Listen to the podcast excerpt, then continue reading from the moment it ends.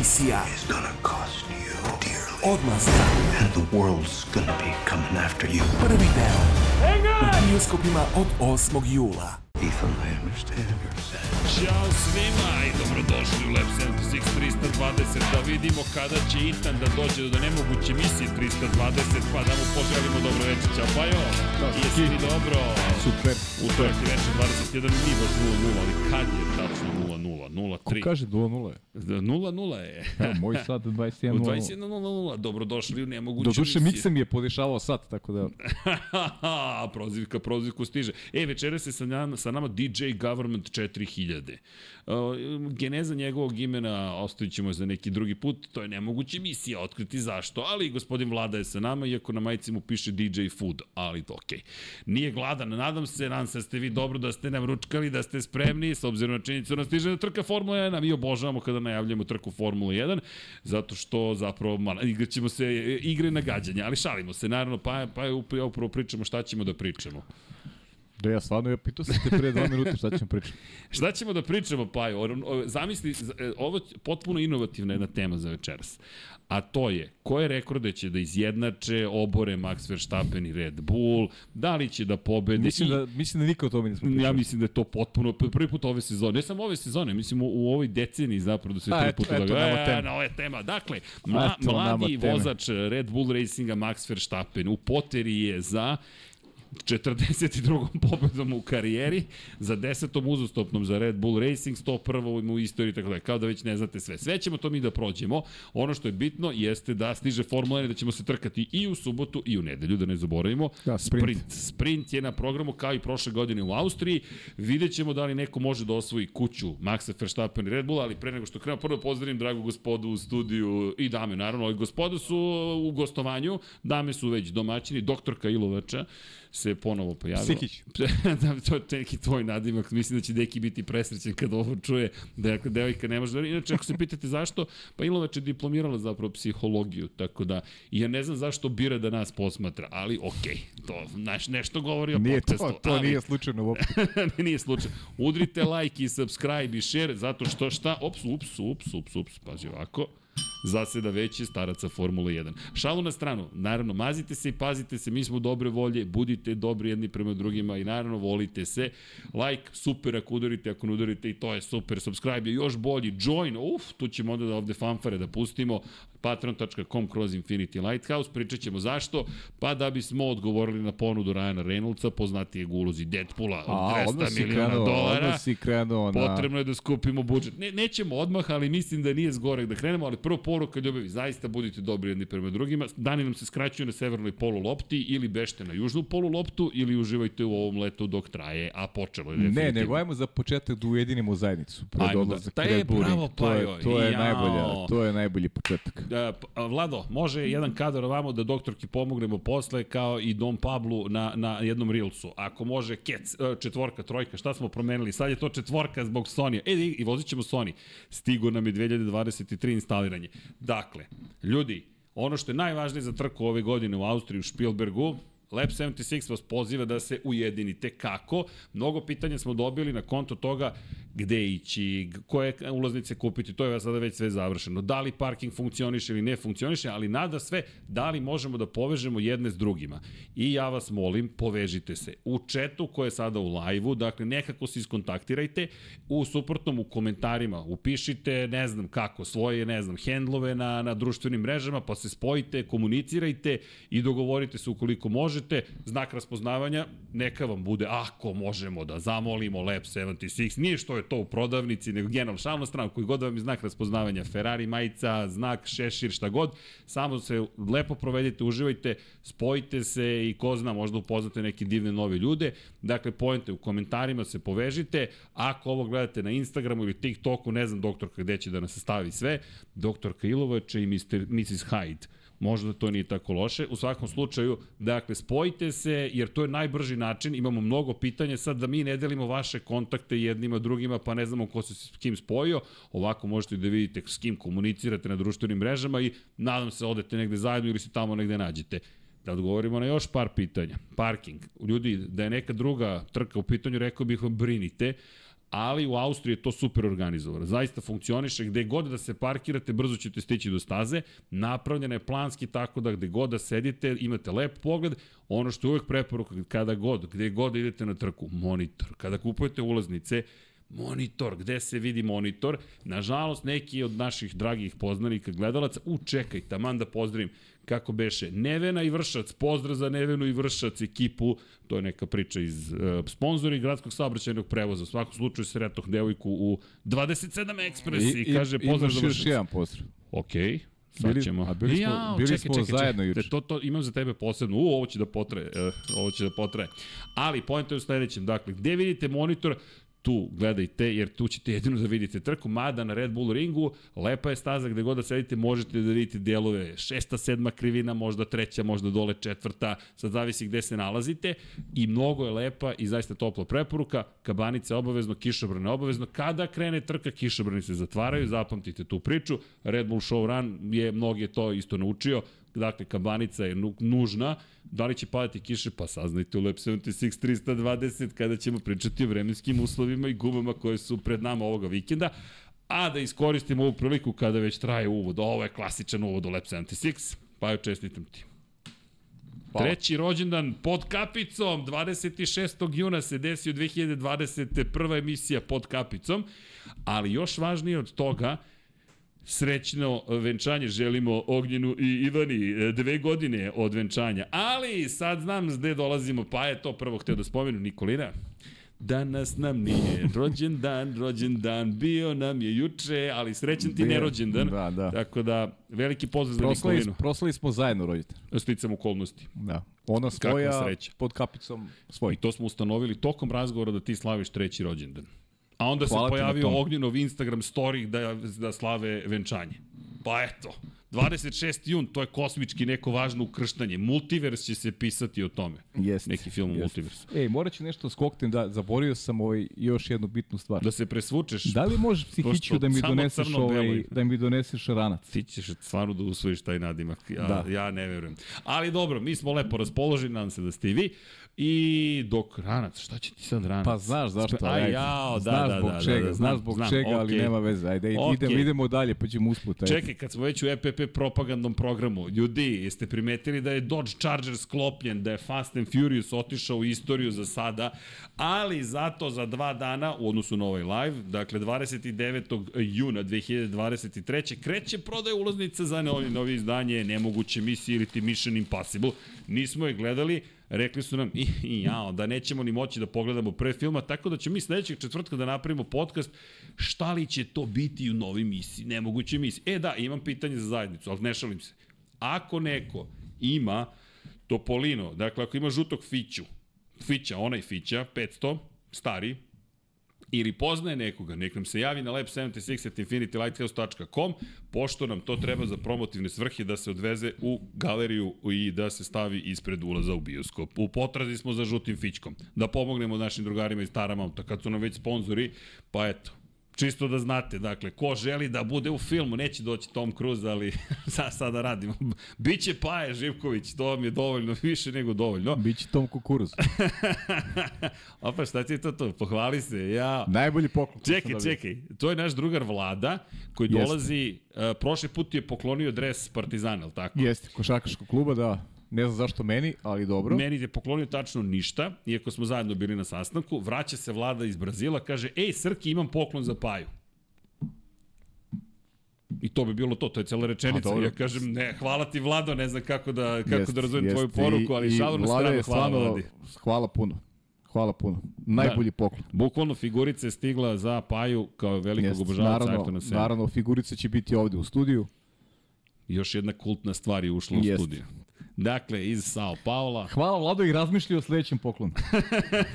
ne za mene, ja to ne mogu nikako da prihvatim, ne znam šta bi mi se desilo u toj situaciji. Da. Znaš šta mi je rekao? Pa ne znam za koga navijaš. Ja, nisi gledao sve Lab 76-eve. Inače bi znao da kad pustimo Kad, brkove kad u odu u novembru, Britaniju, naći neku mensela. Ne znam da ima figurica mensela. nemam pojma, ja mislim da to ne postoji. Pa de, zamisli figurice Nigela Mansell, to tako ne ide sa Il Leoneom. Ne može, ne, mnogo materijala moralo se potrošiti. Samo na brkove bi otišlo previše. Raspričali smo se ti, Viš imamo o čemu da pričamo i kad nemamo o čemu da pričamo. Šalim se, imamo puno Dobro, želje čestitke, ovo su bile Naravno. želje čestitke, okej. Okay. Ne, neki divni ljudi zaista i mnogo Jesu, lepo osjećaj ljudi, koji smo ljudi, da. upoznali kroz... I ovo mnogo lepo da poveže ljude, stvarno mnogo poruka je bilo. Jeste.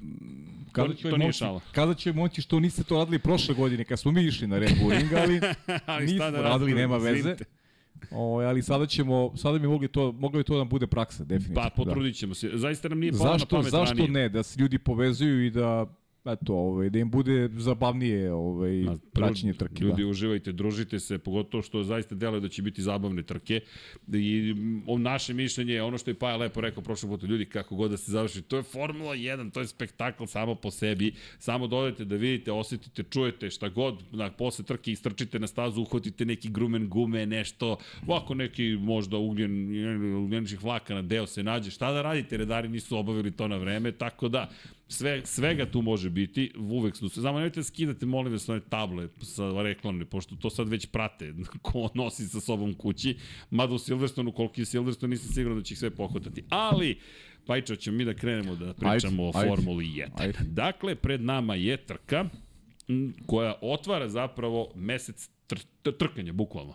Četiri trke imamo u julu, dakle najpre krećemo sa velikom nagradom Austrije, koja pride je trka u kojoj imamo sprint trku, dakle imamo sprint trku, od ove godine to sprint trka, više nisu sprint kvalifikacije.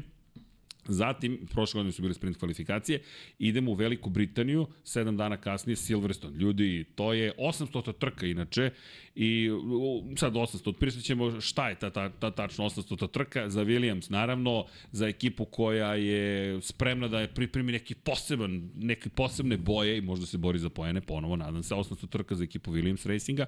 Zatim idemo dve nedelje kasnije u Mađarsku, velika nagrada Mađarske, Budimpešta, Hungaroring, opet ista priča, ponovit ćemo sve ovo, ko ide u Budimpeštu, komentari, spojite se, napravit ćemo Reelsove čisto da vi se spojite i tu bismo i mi da dobijemo vaše kontakte, imali ne, problem, prosto po zakonu ne smo da skupljamo tek tako i da delimo vaše privatne podatke, vi sami birate s kim ćete uskupiti u kontakt, tako da smo to rešili, hvala celoj ekipi koja smišljala te lude ideje i onda dolazi velika nagrada Belgije, Spa, još jedan sprint za kraj ovog meseca, podsjećamo Spa ove godine završava, okončava zapravo kalendarski polovinu sezone i potom idemo na pauzu, skoro ceo avgust nas nema, to jest nema Formula 1 i onda se vraćamo u Holandiji, idemo u Zandvort, pa kreće Monca, pa lagano napuštamo tlo Evrope i odosmo.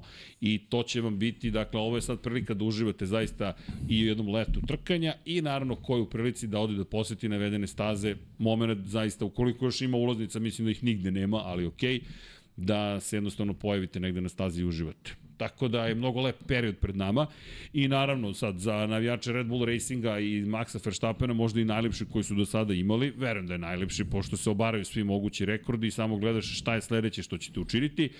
Ne znam, ali ono što smo prošlog puta spomenuli jeste već bilo nadomak zapravo tih čuvenih 11 pobjeda za redom McLarena koje mogu iz 1988. Čisto da i tu stavimo neku perspektivu. Dakle, 88. godine Ayrton Senna, Alan Prost, taj čuveni McLaren, tim McLaren Honda crveno-beli, tim koji dakle, potiče cijela i ova figurina, evo ne vidi se, ali figurina, oblačenje, kultni neki trenuci, u svakom slučaju, na putu su Max Verstappen i Red Bull Racing da se domognu tog rekorda. Pa to je sad mesec dana četiri trke, tu nema mnogo prostora ni za neke korekcije, to je ono što su radili timovi moraju sada da, da, da onako predstave u nekom, nekom najboljem mogućem svetlu, a Red Bull je za korak ispred rivala, tako da je za njih ovo prilika i za Maxa da popravi ovaj, brojke koje onako jasno govore o tome da, da, je, da je na putu da je na putu m, koji možda mnogi nisu videli e, kada je počeo karijeru, a govorili smo i prošle nedelje. Definitivno ima šanse da, da obori te rekorde Luisa Hamiltona i siguran sam da će Red Bull pokušati iskoristi maksimalno trenutak u kome se nalazi da, da ovaj, e, skupljaju, da skupljaju triumfe, jer ne vidim zaista ko bi mogao u ovih mesec dana da ih zaustavi. Prosto um, deluje mi kao kao nemoguća misija osim ukoliko bude neki nepredviđenih okolnosti, ono što govorimo stalno, svaka trka je priča za sebe, nismo mnogo pametni kada kažemo da je Red Bull favorit, to je nešto što što svi zajedno vidimo i uh, Max nemam dilemu da da je silno motivisan da da da poboljša te brojke. U krajnjem slučaju evo, ima prvu priliku da da bude ispred Ayrtona Sene kada govorimo o o učinku u, u, u trkama i zaista neverovatno i tako malo godine ima, a ima, ima i lepu budućnost da da ovaj pomeri pomeri sve te neke istorijske brojke i granice koje koje su postavili vozači s kojima se trenutno takmiči, mislim i na, i na Luisa Hamiltona, pre svega narodne Fernanda Alonso i bilo je baš izazovno gledati te sa trke u bliskoj prošlosti kada je, eto imao i na podijumu dva velikana kakva su Hamilton i Alonso. Da, inače... Tako da Srki malo se, malo se i ponavljamo, ali realno to je ono što što čini danas Formulu 1. To je ali... prosto idemo i protiv idemo na Red Bull ring gde gde je, gde je Red Bull apsolutni favorit, definitivno. Konfiguracija staze koja im odgovara i i iskreno baš ne vidim ko bi tu mogao ko bi tu mogao ozbiljno da ih da ih ugrozi. E, ima tu par stvari. Apropo velike nagrade Austrije. Dakle austrijski tim je Red Bull, za one koji eventualno ne znaju, Red Bull Racing je registrovana kompanija u Austriji i ovo se smatra domaćom stazom. Ovo je staza koju izgradio Dietrich Matešić, čovek koji je osnovao Red Bull kao kompaniju, koji je nažalost preminuo prošle godine i zapravo to igračka jednog milijardera, ali najbolja moguća igračka, zato je staza i toliko dobro urađena, i parkinzi, prilazni putevi i generalna organizacija na jednom spektakularnom nivou. Max Verstappen je u grupi vozača, to je jedini zajedno sa Alanom Prostom koji je zabeležio tri pobede na velikoj nagradi Austrije, jedna od staza koja mu te kako odgovara, čak i van vremena dominacije Red Bull Racinga, 2018. 19. i 21. u šampionskoj godini je ovde pobeđivao. Dakle, najveće iznenađenje je bilo 2020. kada nije zapravo pobedio, kada Valtteri Bottas otvorio da. Sezonu triumfom, COVID godina, yes. ali je ovo staza njihova, zaista u svakom smislu te reči. Konačno prva pobjeda sa Hondom u eri Red Bull Racinga i Honda se desilo upravo ovde 2018. Pa to su da, to su to su brojke generalno dokazuju 19, dokazuju ono što ono što smo naveli tokom tokom komentarisanja te prošle trke da da je Red Bull Ring baš mesto na kome ne treba očekivati neka, neka iznenađenja i više ćemo gledati bitku za, za ostale pozicije i sa nekim, ajde da kažem, um, pogledom ka Sergio Perezu koji je ušao u seriju loših rezultata i verujem da mu to čini i nervozu i uh, pokušat će da se konačno domogne podijuma, jer, jer on mora da iskoristi kapacitete Red Bulla na ovoj stazi.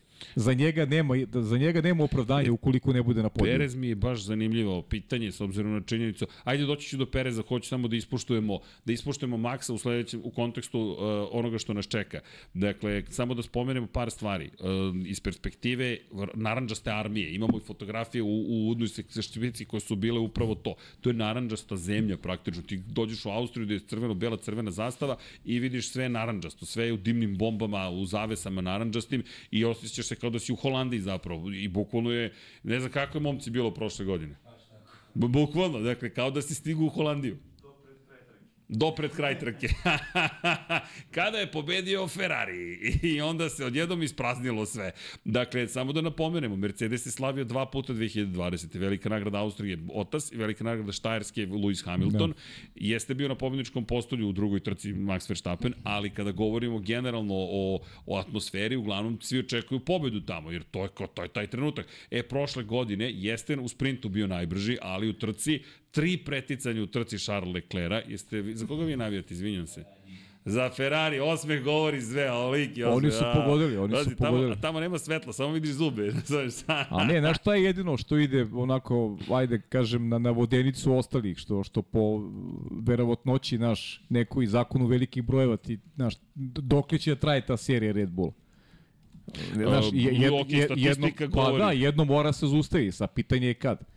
I ista priča će biti i u oči najve svake sledeće trke do kraja ovog prvog dela sezone. Red Bull je na svakoj od tih staza favorit, osim, osim možda na Hungaroringu gde, gde očekujemo da, da, da se tu malo promešaju karti i da imaju, da imaju uh, više problema i da dođe do pol pozicije i da povedu u trci. A na ove tri staze mislim da su apsolutni favoriti i da e. sve osim njihove pobede predstavilo bi iznenađenje. Naravno, sad Slušaj. pričamo, pričam pod uslovom da da se ne kreiraju neke, neke madredne okolnosti na stazi, neko odustajanje, neki kvar, to je sad već nešto što um, ne može da, da, da ovaj, bude i deo nekih spekulacija pre trku bilo koga ko se ozbiljno bavi Formulom 1. E, pa I sad, u celoj priči, da, da pričamo i o napređenjima koji pripremaju ostali timovi. Mercedes je najavio ogromno napređenje bolida za Silverstone Dakle, to je tek sledeća trka Jeste. u Austriji, to se neće desiti i još povrh svega, Alonso se oglasio, Fernando Alonso, trenutno vozač Aston Martina, i rekao je da iz njegove perspektive Au- Austrija, to je velika nagrada Austrije, uopšte ne odgovara onome što su oni pripremili zapravo kao napređenja bolida. Dakle, mi imamo dve najveća rivala, Ferrari ću ubaciti u celu priču, jer Ferrari nam je velika nepoznanica i dolazimo u situaciju, izvinjam se, Whatsapp, to kad hoću, sad hoću, pita me Mihajlo, šta hoću, hoću fotografije, da, da vidite kako izgleda zapravo ta cela atmosfera. Hasane, brati, kakva fotografija? Ne, ovo je... Hasane, brate. Hasane Bratiću, dakle, savršenstvo fotografije, ovo je jedna od tih, pogledajte samo atmosferu u pozadini, ali obratite pažnju, ako možemo stanemo na ovom kadru, ovo je krivina broj 3, Dakle, kada vam kažem da se zaista vide delovi staze i da je jedna od najlepših staza da posetiti, zaista to i mislim. Pogledajte vi, ovo vam kamera televizijska ne pokazuje, zato što tako ih pozicioniraju da vi ne možete ovaj utisak da steknete. Međutim, Hasan je car, legenda, like za Hasana, molim vas, ako slušaš Hasane, znaš već da ćemo te hvaliti, pa se slobodno, da nek ti bude neprijatno, ali činjenica je da čovek jednostavno u ovoj trenutke kada, kada zabeleži, možete samo da uživate. I ono što je divno u ovoj perspektivi jeste ta ideja, koncept, dakle, u pozadini divne zastave, gužva, Max Verstappen je tu svetski šampion i onda ovaj spust zapravo, to jest iz njihove perspektive uspon na gore, fenomenalna krivina broj 3, tu ima dosta preticanja ili pokušaja preticanja, zavisi kako se okonča taj pokušaj i onda idete tamo pravcem kojim je krenuo Max nizbrdo, to je DRS zona kad se stušte ka krivini broj 4, vrlo je teško zaustaviti se jer je na nizbrdici ta krivina i tu smo imali raznih pokušaja sa spoljne strane, inače ovde je kažnjen, ko je kažnjen bio? Lando bio kažnjen Norris prošle godine ili Jest. neko sa Mislim spoljne jeste. strane kada je preticao. U svakom slučaju imate dosta Lando. kontakata i, i tu dilema ko je kriv, nije kriv, ali uvek je zabavno u Austriji i drugo što je ovo kratka staza. Ovo je staza koja ima zvanično 10 krivina. Evo, vam atmosfera. Dakle, i naravno bik Ja iskreno, gvozdeni u iskreno ti sredini. kažem, opet očekujem ovaj, u kvalifikacijama najviše od Ferrari. Iz, iz pogleda te borbe za, za, sa, sa Maxom za, za pol poziciju. I kad kažem Ferrari, opet prednost dajem Charlesu Leclercu, mislim na, na brzinu O, tog o, ovo nam je kvalifikacijnog kruga. fotka za Ryana Reynoldsa, ovo ćemo tek da pričamo, ali izvini, Da. Leclerca pre svega gledam kao neko ko bi mogao da, da ovaj, potencijalno ugrozi Maxa Verstappena u kvalifikacijama. Ali samo u kvalifikacijama. A, koje gume imamo u Austriji? C5, C4, C3. Šta smo imali na prethodnoj trci? C5, C4, C3 u, u Montrealu. Nismo videli Ferrari u kvalifikacijama šta može. M je padala kiša, M opet čuveni fijasko u I, i, ono, komunikaciji. I ono što je dobro, ono što je dobro, imali su ozbiljan pomak kada pričamo o tempu za trku. Jeste da je to bilo najmekše jedinjenje pneumatika, ali su, ali su imali jako dobar tempo za trku i o tome svedoče i te brojke kako su, na koji način su pobedili eh, Serhije Pereza uh, u trci. Dakle, nije mogao da parira Serhiju, ako smo očekivali, makar sam ja očekivao da ćemo dobiti zabavniju trku, ali i vidim da i svi ističu to. Ja bih se nadovezao na te reči doktora Helmuta Marka. Mislim da nije to bilo bez osnova potenciranje baš na Ferrariju i Ferrari pokazuje ovaj, znake napretka, ali za, za jedan kvalitetan vikend eh, preduslov, najvažniji preduslov su dobre kvalifikacije, a to je nedostajalo tokom eh, minulog trkaškog vikenda. E, Kada pričamo o, kažemo, kvalifikacijama, ti- nepoznanica nam je tempo. Ferrari Da. na ovim gumama zapravo. Ali kažem, moja, moja neka predviđenja su da će ovde Leclerc mi je čak uh, uh, u prednosti u odnosu na Alonsa i Hamiltona. Tako vidim stvari. E, I ono što je lepota kvalifikacije, mi nemamo pojma zapravo, baš zahvaljujući tome što Kanada nam nije dala konačni Da. odgovor na pitanje zapravo koji tempo ima Ferrari u kvalifikacijama. Sad samo sebe da samo ne unište i dolazimo gde? Gde? Dolazimo na, pazi pa evo, ajmo da se vratimo u 2022. godinu, kada je Leclerc poslednji put zabeležio pobedu. To je bilo upravo ovde. Dakle, to je moment u, u, u, u, u, u, u sezoni u kojem, to je pre Francuske, gde on seče jedan loš niz rezultata, dva odustajanja imao prošle godine, dakle, odustajanje u Baku, odustajanje u Španiji, ali se vraća u Austriju, u sred Verstappenove zemlje, Znaš veličanstvenom kako, ta, pobedom. ta prošla, prošla trka je pokazala i generalno kada govorimo o, o treninzima, rezultatima u kvalifikacijama svih Ferrari korisnika. Imali smo i Valterija Bottas jako dobro. Ok, znamo šta se desilo sa, sa Charlesom Leclercom. To je još jedna od tih priča ovaj, više puta ispričanih o, o nepoverenju koje tim ukazuje prema, prema svom vozaču, pa su negde u trci ispravili, korigovali i, i, i jednom onako dobro strategijom došli do, do, došli do, do, do vrednih poena.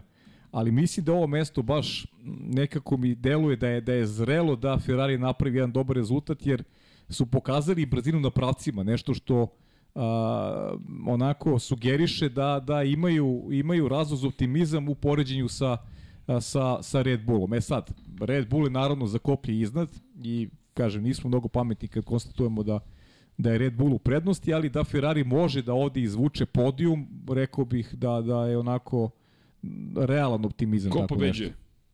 Pa mislim da pobeđuje Max, ali a, Max, a Leclerc drugi i treća pozicija za Čeka. Za Čeka? U, Da. Čeko. U, Čeko, čekaj. Čeko mi je posebna tema. Da li uopšte postoji sad nova tema sa Čekom? Da li ga mu išta preti u ovom trenutku u njegovoj karijeri Pa ja ne priče? ja ne da da je. Daniel Ricardo neko ko se priprema polako ali sigurno za testove i da žele da vide da li tempo još uvek postoji. U Danielu Ricardu Jel bi ti dao Daniel Ricardo pored Čeka sada da bude vozač prvi dva? u- Ne, sad ne. Isto, slažem se. Ja bi do kraja godine držao ovako kako jeste, nema potrebe ništa da menjamo. Zašto remetiti nešto što funkcioniše? Jel radi? Radi. Šta radi? Prvi smo u šampionatu konstruktora, imamo sve pobede ove Pritom, sezone, nemoj da, Max vodi u nemoj Belgiju. da zaboravimo, što bi rekao naš dragi kolega, da, da stvari nisu radile u vreme kada su njih dvojica delili garažu Red Bull. Između ostalog. Znaš, Zašto ko, bi ko garantuje, mir? ko garantuje da će ovaj, raditi koliko, 5-6 godina kasnije. A ovde imaš jedan odličan balans u ekipi, od kako je došao Čeko Perez, ekipa je osvoja titule, tači Max osvoja titulu u konkurenciji vozača, prošle godine dominantni, dominantni u obe kategorije, ove godine takođe dominantni, ne vidim razlog zašto bi Red Bull nešto menjao po tom pitanju. A jel nismo, na, nismo navikli da Čeku ima te amplitude u formi, pa navikli Jest. smo kroz čitavu karijeru uh, njemu ta forma varira tri Pa, dobre trke, pa ih. pet loših, pa dve dobri i sve tako. To je nešto što prosto Čeku nije šampion i nikad neće da bude i to je to. Ali je zato vrlo zahvalan timski kolega. Pa vidi, dve pobede kad je, kada su bile potrebne, to je to. Mada kada pogledaš, Maxi u te dve pobede Pereza bio na poziciji 2. I, jedva čekam, jedva čekam da se namesti situacija da se ne, ne naljuti na jači Maxa Verstappena, da imamo kako će izgledati trka u kojoj će Max imati opet neki hendikep. A to će se nužno dogoditi. Da vidimo kako će u tim uh, momentima reagovati Sergio Perez. A misliš da li će se mu se opet naći u situaciji da pobeđuje? Tako je, Ali da li pa ćemo evo. opet doći do toga da kada drugi vide šansu da mogu, pošto Maxa nema, e onda se ukaže E, Čeko po on pobedi. Ali pa evo, vidiš šta mene fascinira sada, to mi uopšte nije prošlo kroz glavu do ovog trenutka. Četiri pobjede sada za redom Max Verstappen. Ok, to već ponavljamo. No, stvari ponavljamo. Prvi put izgovaramo rečenas. U osam trka, šest pobjeda, dve pobjede za Pereza, četiri sada za redom Maxa. Znaš šta mi sad palo na pamet? Da je Red Bull želeo, mogao je da naredi Perezu i u te dve trke, zato što je na poziciji 2 Mogao bio je. Max, Tako da je. Max ima zapravo osam pobjede sada za redom. 100, od 100 učinak da, da ostvari ove sezone. Mogu je, bravo. Wow. Sad mi pade na pamet, oni su bukvalno mogli da upravljaju sezonom na taj način da Max trenutno ima Mogli- sve mogli pobjede ove tako je. Pa da se, da se zovu Schumacher i Barrichello, verovatno bi tako i bilo. Da. Kada već pričamo o Austriji Da, da. i kada pričamo o, o nekoj Jeste. istoriji na ovom mestu, bilo je, izvini, Vučeš me za jezik bez, bez ikakve potrebe. a da, inače ti baš mnogo treba. Da, teško mi je, da, teško, teško je da, je. da, da kreneš u tu vodu. Jeste. A da, da, za one koji ne znaju, nemile scene smo ovde imali, to je čuvena trka zapravo za veliku nagradu Austrije. To malo pošto smo se vratili na tadašnji A1 ring i dolazimo u situaciju gde Mihael Schumacher zapravo dobija na poklon jednu pobedu. E, To su čuvene scene gde je prvi put u karijeru osetio kako zapravo je da je nepopularan na pobedničkom postolju, pogotovo u eri Ferrarija, da mu se desi da mu neko zviždi i da mu govore da to nije smelo zapravo da se desi. Za one koji ne znaju, Rubens Barrichello je bukvalno imao pobedu u rukama i više nego zasluženo je trebalo da je zabeleži. Međutim, došli smo u situaciju da je Rubens zapravo dobio poruku na kraju te trke molim te, propusti, to je inače čuvena 2002. sezona, kako, ja- ja- spomenjena prošle... Ja, ja razumem te timske naredbe kada se nešto lomi i kada, kada je veliki ulog, znaš, a, a mislim da je Red Bull jako dobro to izrezano ove godine, početak je sezone, nije bilo potrebe da se da se tako nešto radi, mislim da ni Maxu ne bi ovaj negde pogodovalo tako nešto, ne bi se osjećao dobro u svojoj koži sigurno. Mislim Da da, se nijedan šampion ne osjeća dobro u svojoj koži na taj način.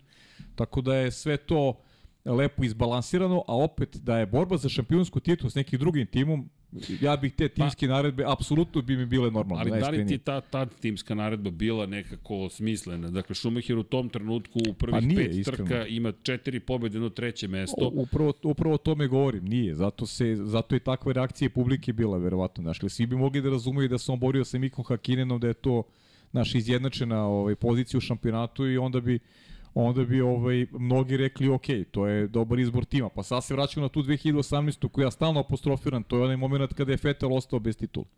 Apropo, On je ostao u svojoj glavi bez titula jer ekipa ga nije podržala u, u to, tom trenutku, u ali tom vidi, trenutku, znaš, u, to ovom je... u, u trenutku ovom, izvini, dakle, tada je, inače, sistem bodovanja bio 10, 6, 4, 3, 2, 1, vodećih šest je osvajalo poene, Da.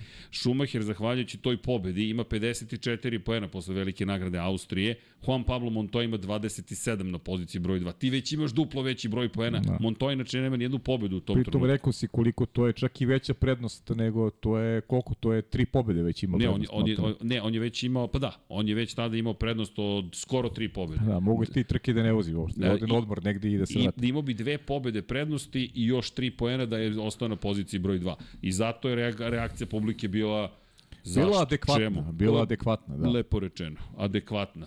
Ferrari onako ima dvostruku pobedu. Ja znam koga treba da pitam o toj situaciji. O, ovo su iz prošle godine, stani, stani, ovo mora da se zaustavi. A, ekipa trči ovde pred rudu, ali dobro. Ljudi, Ferrari, suprotne sudbine, ali ja hoću samo da kažem Hasanu Bratiću, Hasan legenda. Pogledajte fotografiju koju je fotografisao prošle godine. Ne želimo ovako da se završi, ali da ne zaboravimo, u Austriji smo na preko 700 metara nadmorske visine, turbo pogoni će se i tekako opteretiti. Prošle godine u ovom periodu Ferrari imao puno problema sa turbom i otkazao je turbo i u Baku, otkazao je turbo u Španiji, otkazao je turbo ovoga puta kod Carlosa Sainca i ovako uz požar zapravo se sve završilo. Hasan je ovo zabeležio i da odgovorimo pitanje, ne na pitanje, na, na situaciju od prošle godine, niko od redara tad nije prilazio jer nije dobio dozvolu zapravo da priđe. Morate da sačekate dozvolu direkcije trke da biste pomogli vozaču i zato tako i nastala ova kultna scena koju mogu vam reći da su mnogi i iz Formule 1 želeli da imaju u svojim domovima. A ovo je Charles Leclerc, pogledajte samo taj veseli pogled u tom, ni ne sluti šta ga čeka. Ali Ni ne sluti da je to bilo posljednji put. Da, pazi, ok, pa je, ok. Jesam ja sad te Pa naterao. ne, pa nisi, ali, ali tako je. I to da. pred Ferrarijevcima. Pa dobro, ali mislim... Ali to jeste njegova poslednja pobjeda. Pobedit će Leclerc. Pitanje je samo kada će se to dogoditi. Ali pazi sada ovo, gde... Možda, možda u nedelju. Možda u nedelju, ej vidi. Možda u nedelju. Mi, ja, Moraju stvari da se nameste, ali, Pa jo. ali Leclerc je taj profil vozača. Leclerc ima, ima ovaj, nešto što ga odveo od te grupe prosječnih vozača. On, on ima ovaj, potencijal možda je malo drugačijeg mentaliteta od, od, od nekih šampiona, ali m, zaslužuje da dobije adekvatnu podršku. Ja sam u to ubeđen. Da, da, I stalno ponavljamo, Ferrari je stvarno se prema njemu ne znam, pamtimo i kako se podeli prema Alonsu i prema Fetelu, ali neko mi se čini da od dolaska Carlosa Sainca da je ovaj, stav prema Charlesu Leclercu baš onako kao, kao da Ajmo- neku drugu ekipu. Ajmo ovako, pa evo, da ne zaboravimo jednu bitnu stvar. Carlos Sainz je rekao da do kraja godine želi da reši svoje pitanje, svoje sudbine na dugi staze u Ferrariju. Dakle, Okej, pa to je Sainz je već nje- sada krenuo pravo. da da vrši lobiranje, da... Inače, samo, često spomenjamo Carlosa Sainca e, starijeg, njegovog oca, dvostrukog šampiona u reliju. I sinoć e, nešto sam, imam sačuvane neke tekstove pa iz 95. kad sam počinjao karijeru. I A si ti mator suđen? Mator. Čoveče, 95. prvi tekstovi. Elem, i ja sad uh, da gledam to što sam fotografisao i, i, i pogledam, vidi, vidi priča o Saincu. Imam jednu priču o Carlosu Saincu i Colinu McRae-u. Uh -huh. Carlos Sainz je u to vreme bio član ekipe Subaru u šampionatu sveta u reliju i šta je bila zaštitni, ne zaštitni znak, kakva je bila situacija između njega i McRae te godine. Carlos Sainz sećam se, sećam se, se situacije, ne sećam se da sam to pisao u tekstu. U tekstu pišem Carlos Sainz uz veliku podršku mnogobrojnih sponzora je uspeo da izdejstvuje da ekipa Subaru-a traži od Colina McRae da ga pusti da pobedi na reliju Španije kod kuće, ne bili, jel te, svi bili zadovoljni, osim što i član tima je izašao na brzincu, na, na, na, na, na, na put je izašao da maše McRae da uspori, da pusti Sainca da pobedi u reliju. Šta misliš, šta se desilo? Pa ne verujem da ga je pustio. Naravno da nije. Mekre je pobedio uz 10 sekundi prednosti, iako su klubski kolege rekao sorry guys, ali Da. na kraju, pazi šta se desilo, Da, si, da je neko drugi, ali baš Colin Colin McRae. ne, ne, Colin McRae ne. Ko je odrastao uz Colina McRae kao igricu, zna. Evo Vlada već ovde. ko ne zna ko je Colin Sme- smeši mu se vrh. Smeši mu se vrh, boga mi ozbiljno. Ali Colin McRae, legenda i kasnije postoji i digitalnog sveta, nažalost izgubio život u jednoj tragičnoj nesreći kao pilot helikoptera. Još veća tragedija što su i deca stradala uz njega, što njegova i što od njegovog prijatelja, ali to, to, to su te tragedije. Dakle, prođeš svet, svet relija i onda negde drugde, na nekom drugom mestu se desi tragedija, ali Colin McRae je tako izgradio lik o Colinu McRae je tada nastao te godine. Inače, ipak je pobedio na velikoj, to jest na trci u Španiji, reliju u Španiji, Sainz te godine, pošto je McRae, pazi sad ovo, da, pobedio je na brzincima, a onda je zakasnio da se prijavi i po protokolu je mora da dobije kaznu pomeranja unazad, to je 20 Pa da, sekundi. možda, možda mu je bilo lakše da zakasni ovo, a da, da ispuštaju ono što Ne se znam njega sad, tražilo. Pajo, da. ne, ne znam, to, to si ti rekao, ja ne bih mogao Pa, da komentarišem. da, pa da, pa mislim, znaš. Ali sve je jasno. Da te neko natera, znaš, ne bi na stazi isto ne popustio nikada, ovo, znaš, ako postoji neki, ajde, kažem, viši interes i nemam pojma šta god to bilo. Ali znam što će da kažeš, šta, ti, šta je naravučenije priče. Naravno, ovaj, Carlos, Carlos, Sainz. Sainz. mlađi zna kako se Znaš to kako? radi, Pa kako da, se igra šta, igra. ni- nisam siguran da je John Welkanu potrebno da ima vozača koji će da, ovaj, zahvaljujući sponzorima, bude u Ferrariju. Mislim da, da celoj organizaciji Ferrarija treba vozač koji će da donese titulu. Znaš, to je, znaš, nije to, ne pričamo o Alpini, ne pričamo Dobro, on čovek veruje Ne da je on taj. o, da, pa mislim, da, da li, da, ne znam ko veruje da je, da je on taj On. još, znaš, on veruje, pa dobro, ali treba da veruje i organizacija da je on taj. I sad, ok, to je na Ferrariju da, da, da procene, ok, ako će oni da zduš, dušno podrže Carlosa Sainca i da, i da se ovaj, okrene tom, okrenu tom projektu za titulu, ok, možda, možda oni vide što, što drugi ne vide, ali to je njihovo pravo, kako bih rekao, ali Kako god igra je počela. Pa igra traje odavno, to ono što smo pričali s početka godine, da, da njih dvojica, ukoliko nema prilike da se a, bore za najveće uloge, da treba se bore za, svoje, za svoj opstanak u Ferrari. Jer Ferrari će shodno nekoj tradiciji onome što nas je istorija naučila, oni će žrtvene jarce naći u, u, u vozačima i oni će smeniti vozače i onda idemo u nove projekte i tako dalje. I to je nešto što, što se dešava već decenijama unazad, još, još od te titule Kimi Räikkönen i ono što ti i ja govorimo stalno. Kimi Räikkönen nije bio projekat za titulu u Ferrariju. To je jedan absurd cele priče. Posljednji projekat Ferrarija za titulu je bio Mihael Schumacher. I, ali je imao sve te prateći ljude koji su ga podržali. Pa, Felipe Massa je bio pokušaj. Tako je, Kimi Räikkönen je bio drugi vozač i uh, Filipe Massa je bio prvi vozač, a ne Kimi Räikkönen. 2007. Tako je. godine. Pa Mihael Schumacher sede u garaži Filipe Massa. Jeste, jeste. Svi su dušno komentarisao kako Filipe. To nije istina, ali ljudi, e, To je- nije to je plan istina. bio Kimi. Nije, Kimi, Kimi nije, bio plan. Nije bio plan. Nije bio plan. Kimi je pobedio na prvoj gledajte trke, gledajte, gledajte garažu Ferrarija. Kimi je delovao kao, ono, tu sam ovaj da, da pomognem ako treba. E, Bukvalno ako treba, ali Kim je napravio svoj show. Bukvalno je rekao, time što je čutao uglavnom i rekao, čekaj, ne, nemam, nemam i Kimije na stolu.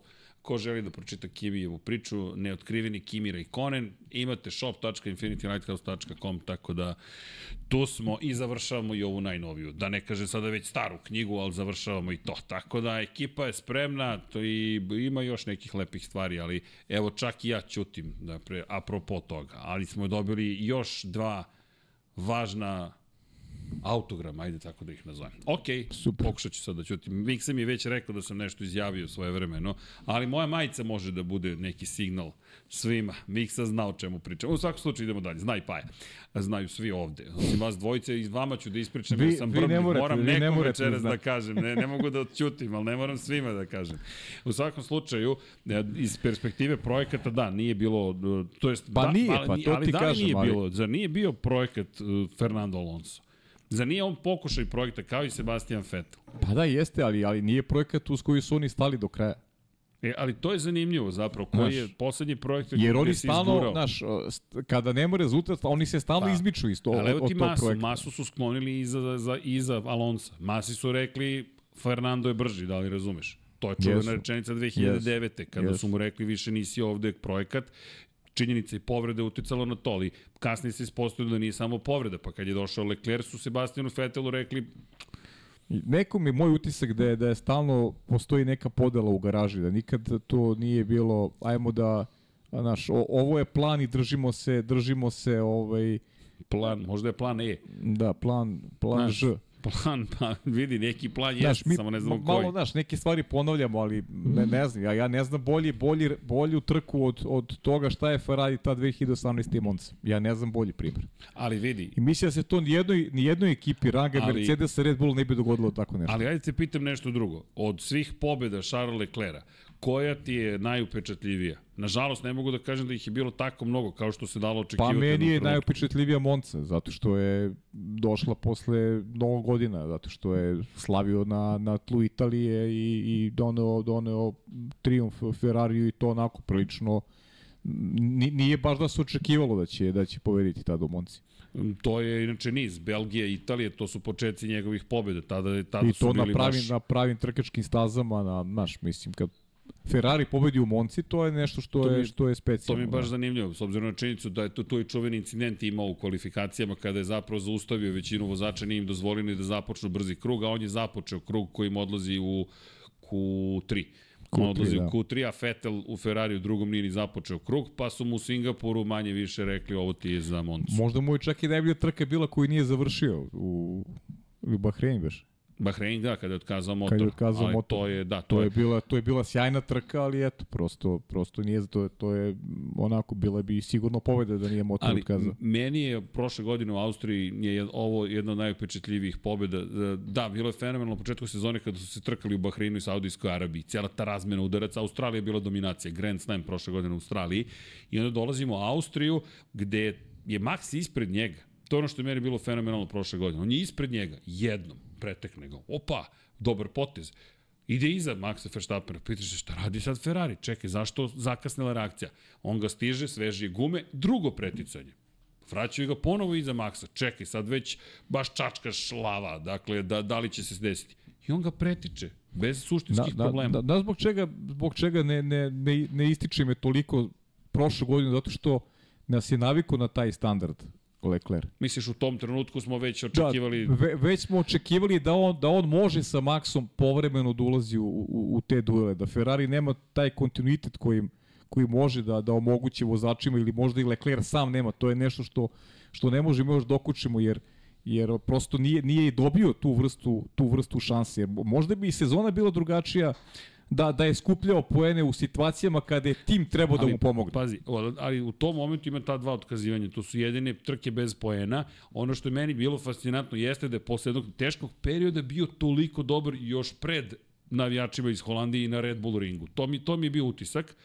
Ali znaš šta mislim da se desilo, zašto je ta trka zaboravljena? Francuska je bila sledeća. I Da, već u Francuskoj greška. Ti završiš u zidu i kao da si obrisao sve to što si učinio.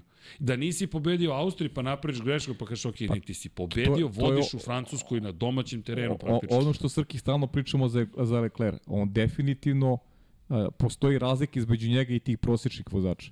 E sad, da li je on kalibar tog šampionskog Ne znamo. kola? To je nešto što, što ne znamo i u što sve više sumnjamo. E, ali, tu ti treba ekipa. Što me dovodi do jedne od glavnih tema? Deadpool, Moraš ekipu da imaš. Deadpool kupio ekipu.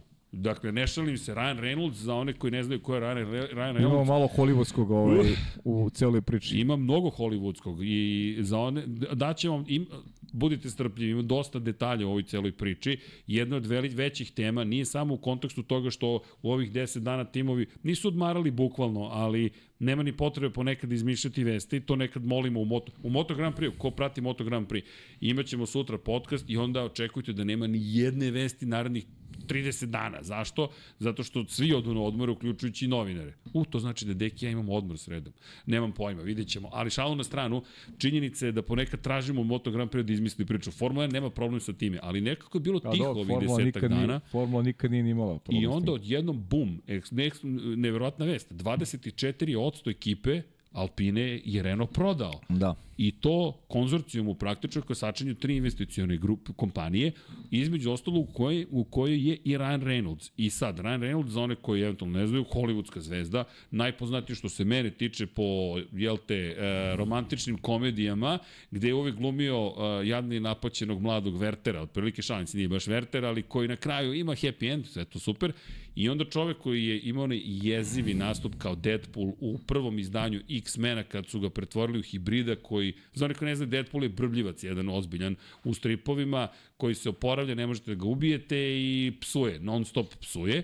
Oni su to sredili tako što su mu zašili usta, to je film od pre 15 godina. Zašili mu usta i napravili da mu izlaze zapravo mačevi iz ruku, da liči na neku verziju Wolverina za siromašne otprilike. E sad, šta se dešava, to je jedna najnizivijih uloga. Posle je snimio Green Lantern, što je tek bilo poražavajuće, čak se i sam sebi šali, inače to je Marvel malo DC, i onda je uspeo da natera Hollywood posle 10 godina lobiranja da mu dozvoli da snime svoju verziju Deadpoola, koji je postao najgledaniji film koji je, ne znam, R-rated, dakle za odrasle, jel te, gde on psuje kroz ceo film, ne kažem da treba psovati, samo vam kažem da je čovjek isterao svoju viziju i dobio je i postoje Mr. Deadpool. Dobro, sad samo glumi Deadpoola, ok, one trick pony možda, vidjet ćemo, nemam pojma, ali onaj, kako se zove, Mr. Good Guy, Mr. Nice Guy, nije mu li bio loš. U svakom slučaju, kupio je, šta je uradio? Doneo je Hollywood prvo u Rexen, u, doneo je u Wales je uveo Hollywood. Dakle, za one koji nisu pratili od, pre, od prošle godine zapravo Ryan Reynolds je napravio hollywoodsku priču o jednom malom futbolskom klubu iz Velsa, koji je odjednom miljenik publike, sad je dobio 25 miliona funti od vlade. Da, da, imaju, imaju, imaju već i ozbiljne iskustva kada je u pitanju sport i, i, i Toulouse koji je ozbiljna futbolska franšiza u Francuskoj takođe pa američki američki fudbal to ti bolje znaš od mene da su se pa, pa, da su i tu pazi. dakle oni imaju imaju iskustva kada kada su u pitanju ulaganja ulaganje u sport. Tako da Malpina dakle, jedan zanimljiv korak koji je, koji je povukla i vidjet ćemo šta o toj nekoj bližoj ovoj budućnosti, šta to, šta to konkretno znači. Ja sam inače onako veliki fan Alpine i volao bih da, da, da francuski tim da francuski tim ovaj, makar od 2026. postane kudi kamo konkurentniji, jer mogu da se osule na Esteban Okona očigledno, E sad, kako će se ta, ta priča dalje razvijeti, ovaj, ostaje nam da saznamo svi zajedno. Ali pazi, ima tu sad mnogo, mnogo zanimljivih detalja. Dakle, kada govorimo o, o tome šta sve oni ljudi rade. E, prvo, prvo da popričamo o Alpini, kako je ona formirana.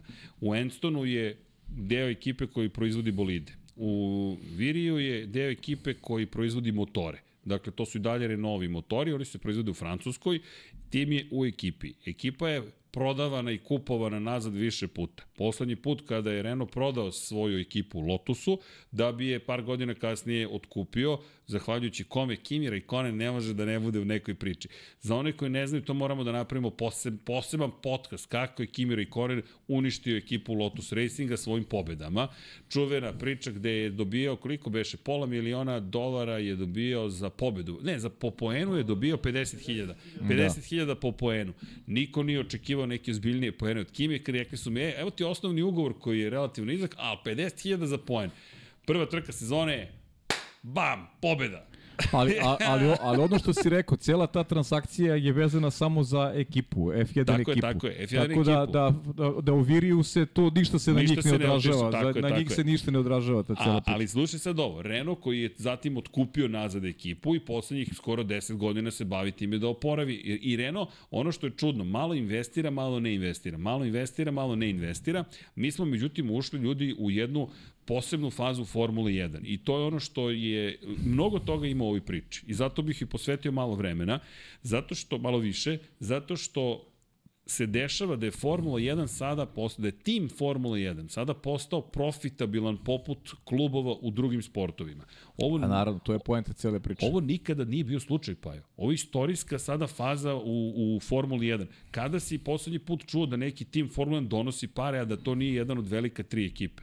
Uvek su to bili neki uh, ili milioneri ili uh, ljudi koji žele da imaju svoj pa, tim pa skupe milijardere oko sebe. Sve se srki daslije na onu našu priču iz prošlog podcasta. To su ta, ta dva pogleda koje imamo. A, a, pogled a, da je sport najvažniji izgled trka i tako dalje, to više ne zanima ljude koji, koji se bave, koji su u Formuli 1. Zašto? Zato što smo imali pre 5-6 godina situaciju u kojoj a, su ekipe morale da skraćaju broj mehaničara s obzirom nisu imali, nisu imali šanse da ih plaćaju. To nije bilo tako davno. Tako Pričamo je. o periodu od pre Tako 5-6 je. godina, kad je bila velika Pa finansijska i ja se kriza. sećam ovog praznih tribina. I prazne tribine i ekipe koje onako krpe kraj s krajem, bukvalno. Sa, sa manjim brojem e, ljudi Kasnije Sa- su sa- plate, pa Lotus Ma je ne, to- propao. to- tako je, između ostalog nije mogao da plati Kimi E Räikkönen. sada, sad ne znam, to je ovaj, definitivno i ta, ta 2021. godina takmičenje samo i ta bitka Maxa Verstappena i Luisa Hamiltona Ograničenje budžeta Ograničenje i nova preraspodela novca. i naravno i naravno Drive to Survive koji je koji je uticao i te kako na na popularnost i oni koji nisu ranije imali dodirnih tačaka prosto su se kroz film negde negde vezali i počeli da prate. Tako da kad su u pitanju i financije, ovo je samo potvrda onome ono što si započeo priču je mislim da će ovakvih ulaganja biti sve više.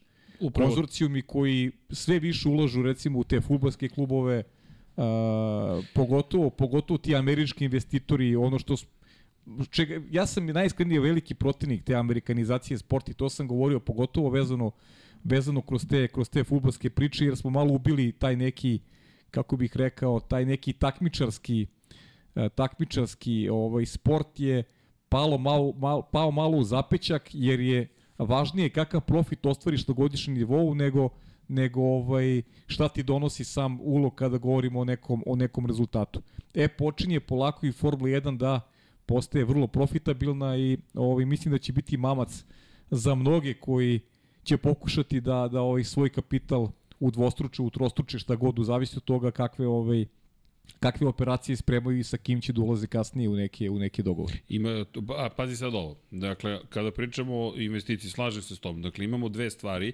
Jedna stvar jeste zapravo da dolaze investitori, ono što je druga stvar, dolaze investitori iz Sjedinih američkih država. Dakle, iz Amerike dolazi veliki broj investitora, pri čemu, kada govorimo o kompanijama koje učestvuju u ovoj kupovini, mi govorimo o tri, o tri kompanije koje su vrlo bitne. Otro Capital, Redbird Capital, Partners i Maximum Effort Investments. Ko je gleda Deadpoola, šta kaže Maximum Effort? Ako se sećate naše majice koju nikad nismo završili, Maximum Effort je pisao zato što volimo Deadpoola. Zašto je nismo završili? Zato što nismo uložili Maximum Effort.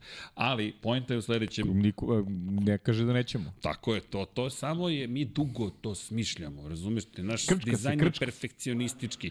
Da, da, pa naši dizajneri su iz Marane, ovaj mislim, e, naši... Ne, on hoće kaže da E, malo sporije razmišlja. Pozdrav za, za našeg čika Dušana Senu. Uh, uh, mo, Mog čika Dukija. Jeste, velikog ljubitelja Ayrtona Sene, koji inače, e, time podsjetio, nije navijač Ferrari, je li tako? Ne, ne, ne, Da, on je... On ne, šalim se, na to je provokacija čista, pošto znam da sluša. Pozdrav na moru je trenutno. Znaš šta da sluša? Slušaš šta mu je sestra poslala, uz izvinjenje, fotografiju pločica proizvedenih u Maranelu. I kaže, nisam videla pre nego što sam kupila te pločice, tako da, Maranello pločice, ja sam rekao, ništa ne brini, nećeš morati štemaš zidove, samo će to da otpadne, tako da sve okej. Šalim se, Ferarijevci, ne, ne zamerite. Znam da je ljubomoran na, na, na ovu figuricu. Ej, ali došao je po figuricu, foto Znam, sam čuo mu sam sve. Izvini što, što je bilo bezobrazno s moje strane. Imamo foto figurica na motoriću. A, gde je moja figurica? Nije tvoja plajna je. Elem, da se mi vratimo na investitore. Dakle, iz Sjedinjenih američkih država će biti sve više investicije. Zašto su biti Otro Capital, Redbird, Capital Partners i Maximum Effort Investments? Rekli smo Maximum Effort Investments, to je Rainer Reynoldsa kompanija. Rexem je tu, ali ima tu još stvari. Michael B. Jordan je takođe čovek koji učestvuje u investicijama i oni se sada udružuju. Ima, pre nego što krenem sa time, zapravo imamo investicije i u Milan, dakle futbolski klub Milan, s obzirom na činjenicu da je zapravo kompanija koja stoji za svega ovoga već uložila na novac na kraju 2022. u kupovinu Milana. Tako da mi sada govorimo o nečemu što je m, čuveni portfolio, diversifikacija investicije i u portfolio ulazi sve više evropskih timova. Ovo je prvi put da vidimo i Formula 1 da se nalazi na omi. I kao što si rekao, sigurno će ovoga biti još. Ne, biće, biće 100%. 100%. Pa zato što je Formula 1 došla do tog nivoa da je postala interesantna upravo iz, iz svih ovih razloga koje smo navjeli. Interesantna iz a, smisla zarade. Znaš, investiraš u nešto što može da ti što možda ti do, do omogući, i, omogući i zaradu, jer prostala je ne profitabilno, nego je... Neverovatno. Ovo, ovo, ovo, je, ovo je, ja mislim da, da nikada Formula 1 nije bilo u takvom stanju kada govorimo o investicijama, kada govorimo o i o financijama. novcu koji se tu okreće. Pazi Da. sad ovo, i to je pravi trenutak ako želiš da razvijaš biznis, sad je trenutak sa Formulom 1 razvijati biznis. Jes, pa to je ti ona priča o i prodaju ulaznica recimo i kako izgledaju trkački vikendi. potpuno drugačije. Mislim, evo viš u eri kada kada ti nemaš u suštini neke drame na stazi. Ti imaš u jednoj eri dominantnu i Maxa Potpuna Verstappena Red. Bulla. Ajde da se prisetimo tamo od 2014. godine i dominacije Luisa Hamiltona, recimo. Niko nije htio da dolazi. Pa nije, nije bilo takvog Što interesovanja. ti negde govori da, da ta priča sa strane i iza kulisa i nove zvezde takođe imaju ne smisla, Pa nego ne, o, o, ono što treba snagu. o, ono što treba se prizna da ljudi koji se bave organizacijom to rade na sjajan način, ali kažem ti uloga Drive to Survive je čini mi se onako Ali znaš krucijalna šta je možda čak. zanimljivo? Drive to Survive je sve nekako razvodnjeniji ali popularnost i dalje tu. Pa sad znam, ali, ali pitanje, imali ste da prilike, čuli smo, da ide ovako i, imali smo neke, neke naše drugare koji smo i viđali ovde usput, pa, pa i su rekli sami da su počeli gledaju zahvaljujući Jeste, Drive to. Survive. Otvoreno su pričali Vidi. o tome da gledaju Drive to, da, da je to bio neki, neki inicijalna kapisla. I sada prate redovno. Ako bismo marketički pravili taj čuveni levak, funnel, otprilike Drive to Survive je gore na vrhu i onda ti kažeš čekaj aj malo da googlam, onda nađeš na YouTube, onda nađeš na Lab 76, udariš subscribe, join, Da. like i odeš i kupiš nešto u shopu, a posle, se, posle postaneš pokrovitelj na patreon.com kroz Infinity Lighthouse, a onda nastaviš svoju istoriju upoznavanja sa Formulom 1. Ali to zaista tako funkcioniše. Netflix je otvorio mnogo toga. Jest, jest. I, ali pazi sad ovo, Redbird e, investira inače u Fenway Sports grupu koja je vlasnica Liverpoola i Boston Red Soxa. Dakle, veze su na sve strane. Evo ga Liverpoolovac ovde maše glavom jasno. Kako se tebi dopada to kad je sve to se izdešavalo? Da sportske. Eto, ume, umeju da vode sportske timove. Kako se pobeđuje. Kako se pobeđuje? Ok. Zatim, prema pisanju New York Timesa, Redbird je kupio Milan prošle godine za 1,2 milijarde funti. Dakle, ne, dolar, eura. Dakle, i kupili su kontrolni paket u Tuluzu, kao što si rekao. Dakle, to je sve jedna te ista kompanija. Kako meni ovo izgleda? Ka- Kao ljudi koji idu i serijski investiraju u sportske manifestacije. Zašto je ovo sad bitno za Alpinu? Šta je rekao Loran Rossi, CEO zapravo Alpine? Rekao je, neće se oni baviti razvojem bolida, neće se baviti razvojem motora, ali će nam pomoći da mi monetizujemo i valorizujemo sve ovo što radimo u Formuli 1. Jer Renault od investicije u Alpinu nije mnogo toga dobio. Ako pogledamo brand Alpine, nije odjednom to skočilo ne znam koji nivo. Koja je opklada, to je neka, neka analiza, nije moja, ali koja se pretpostavlja da je u pitanju, da će zapravo popularnost Formule 1 iskoristiti da Alpinu kao proizvođača sportskih automobila proguraju na tržište Sjedinjenih američkih država. I da jure najbogatije trž, tržište trenutno na svetu na taj način, a istovremeno pošto je veliki pritisak bio, pošto francuska vlada, jel te, kontroliše Renault, je bio na ceo cijelo menadžment u Renault do kada investirate. Do kada investirate, pri čemu ono najgore investicija. Niti investiramo, niti ne investiramo. Dakle, niti smo izašli, niti smo ušli cijelim srcem i parama u to. Oni imaju stari simulator McLarenov, novi tek treba da izgrade, trajeće dve godine.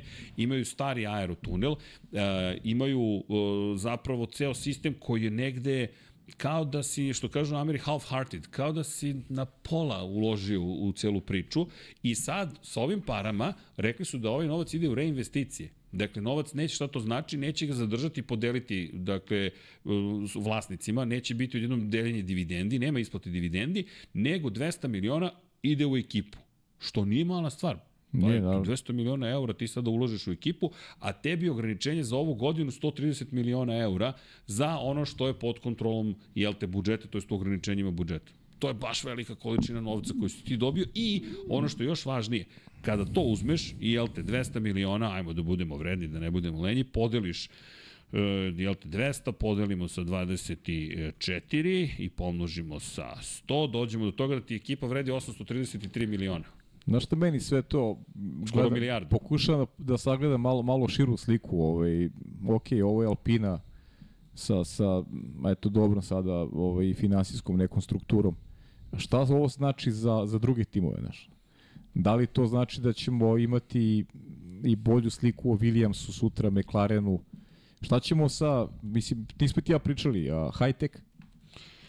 Koji, koji želi u Formulu 1. Pa da, to nismo spomenuli. Pa vidi, Još jedna velika priča, hajte koji znamo koliko su koliko su u Formuli 2, u Formuli 3, koliko su ovaj, a, dali tih nekih šampionskih e, momaka i ovaj, jedna, jedna vrlo ozbiljna ekipa na tom nivou. Oni, oni žele u 2026. da budu aktivni u Formuli 1. Okej. Kako ćeš da uđeš u Formulu ve- 1? Velika priča. Pazi, ali vidi, a, ko, šta ti je rekao Stefano Domenicali da bi ušao u Formulu 1, šta ćeš morati da radiš? Moraš da daš milijardu dolara da uđeš u celu priču. To, to je ono što je on izjavio. Sad, naravno, mi ne znamo uh, koliko je tu Pa, istine, nije istine. Ili, misliš da se ne bi našao interes ovaj, da neko Pa da mislim- milijardu dolara Pa za ulazak kada ovo Formulu 1? vidiš, sam, u, nisam pogledao vrednost uh, F1 akcija. Dakle, gde su danas, posle ovog vesti, zapravo da se investira. Aha, ukupno je danas bio skok, trenutno je Liberty Media Corp na 67 dolara, čekaj da vidimo gde smo na, na godinu dana. Trenutno su akcije najvrednije što su bile u poslednjih godinu dana, bile Pa da. su zapravo 15. juna su vredile najviše. Dakle, ako odemo na petogodišnji, grohotom se smijem. dakle, ljudi, ovo je, pa, pazi, vredele su pre COVID-a 45 dolara akcija vredela, 17. januara. Sada vrede, danas, u ovom trenutku 67-65. Dakle, to je preko 60% si ti zaradio, a vredele su 71 dolar pre par dana pre 10, manje od pre 10 dana. I u skoku su i serije A i C i B i tako dalje. Dakle, ti kada pogledaš, Formula je, o, sa, bukvalno se samo broji lova. Trenutno se samo, ne, evo sada gledamo, F Vonk ima 74,86 na zatvaranju berze. Ja mislim da to rek, da nije rekord, rekord je bio dakle 75-51 u 1.36 popodne. Lepo. Mi smo na maksimumu istorijskom što se tiče vrednosti Formule 1. Čekaj da vidim kolika je market capitalization, kolika bi bio u celoj ovoj priči. 17,34 milijardi je trenutna vrednost Formule 1. A mi smo pričali na 10, a došli su do Šta je, 10. šta je milijarda? Šta je milijarda za... Šta je milijarda? Hoćeš da uđeš u igranku? ekipu? Boc, evo ne ti znam, milijarda. High tech, pa ne znam, hoće, ko je, Andreti, Cadillac i Andretti. samo je pitanje, Ne znamo sad gde, gde će znaš, više od 10 timova, nismo imali, kad smo poslije put imali to, ka, kad je ono Manor bio? 2000... Manor 2013. 14. Je tako beše, Tako da. je, 15. Da. možda smo imali 11. 11, ekipa. pa da, ja mislim to da smo je. On- 2015. nisu dugo trajali, da, da, ta- je. tako, 2014, Pa to je 15. Marusija, Manor, nažalost, to je Da. bilo to je bilo, to je tragično zapravo na, na, na kraju dana. Ali, ali da vidimo, Ali ja verujem da će to uskoro, uskoro da, da, da zaživi, da će Ne. biti više od 10 timova. Marusija je bila 2015. Moramo da se vratimo do HRT-a zapravo. HRT verovatno. Ali vidi, me- Domenicali je rekao hoću 12. I samo jedna bitna napomena. Stefano Domenicali je izvršni direktor kompanije koja trguje na berzi. Za kompanije koje trguju na berzi, to su javna zapravo preduzeća, one su u javnosti, dakle public domain, mogu da se kupuju e, akcije. Postoji jasan, vrlo strog zakon šta on sme da izjavi, šta ne sme da izjavi. I ne sme da obmanjuje javnost. Dakle, naći ćete se vrlo lako u prekršaju protiv berze, gde vas kažnjavaju vrlo rigorozno.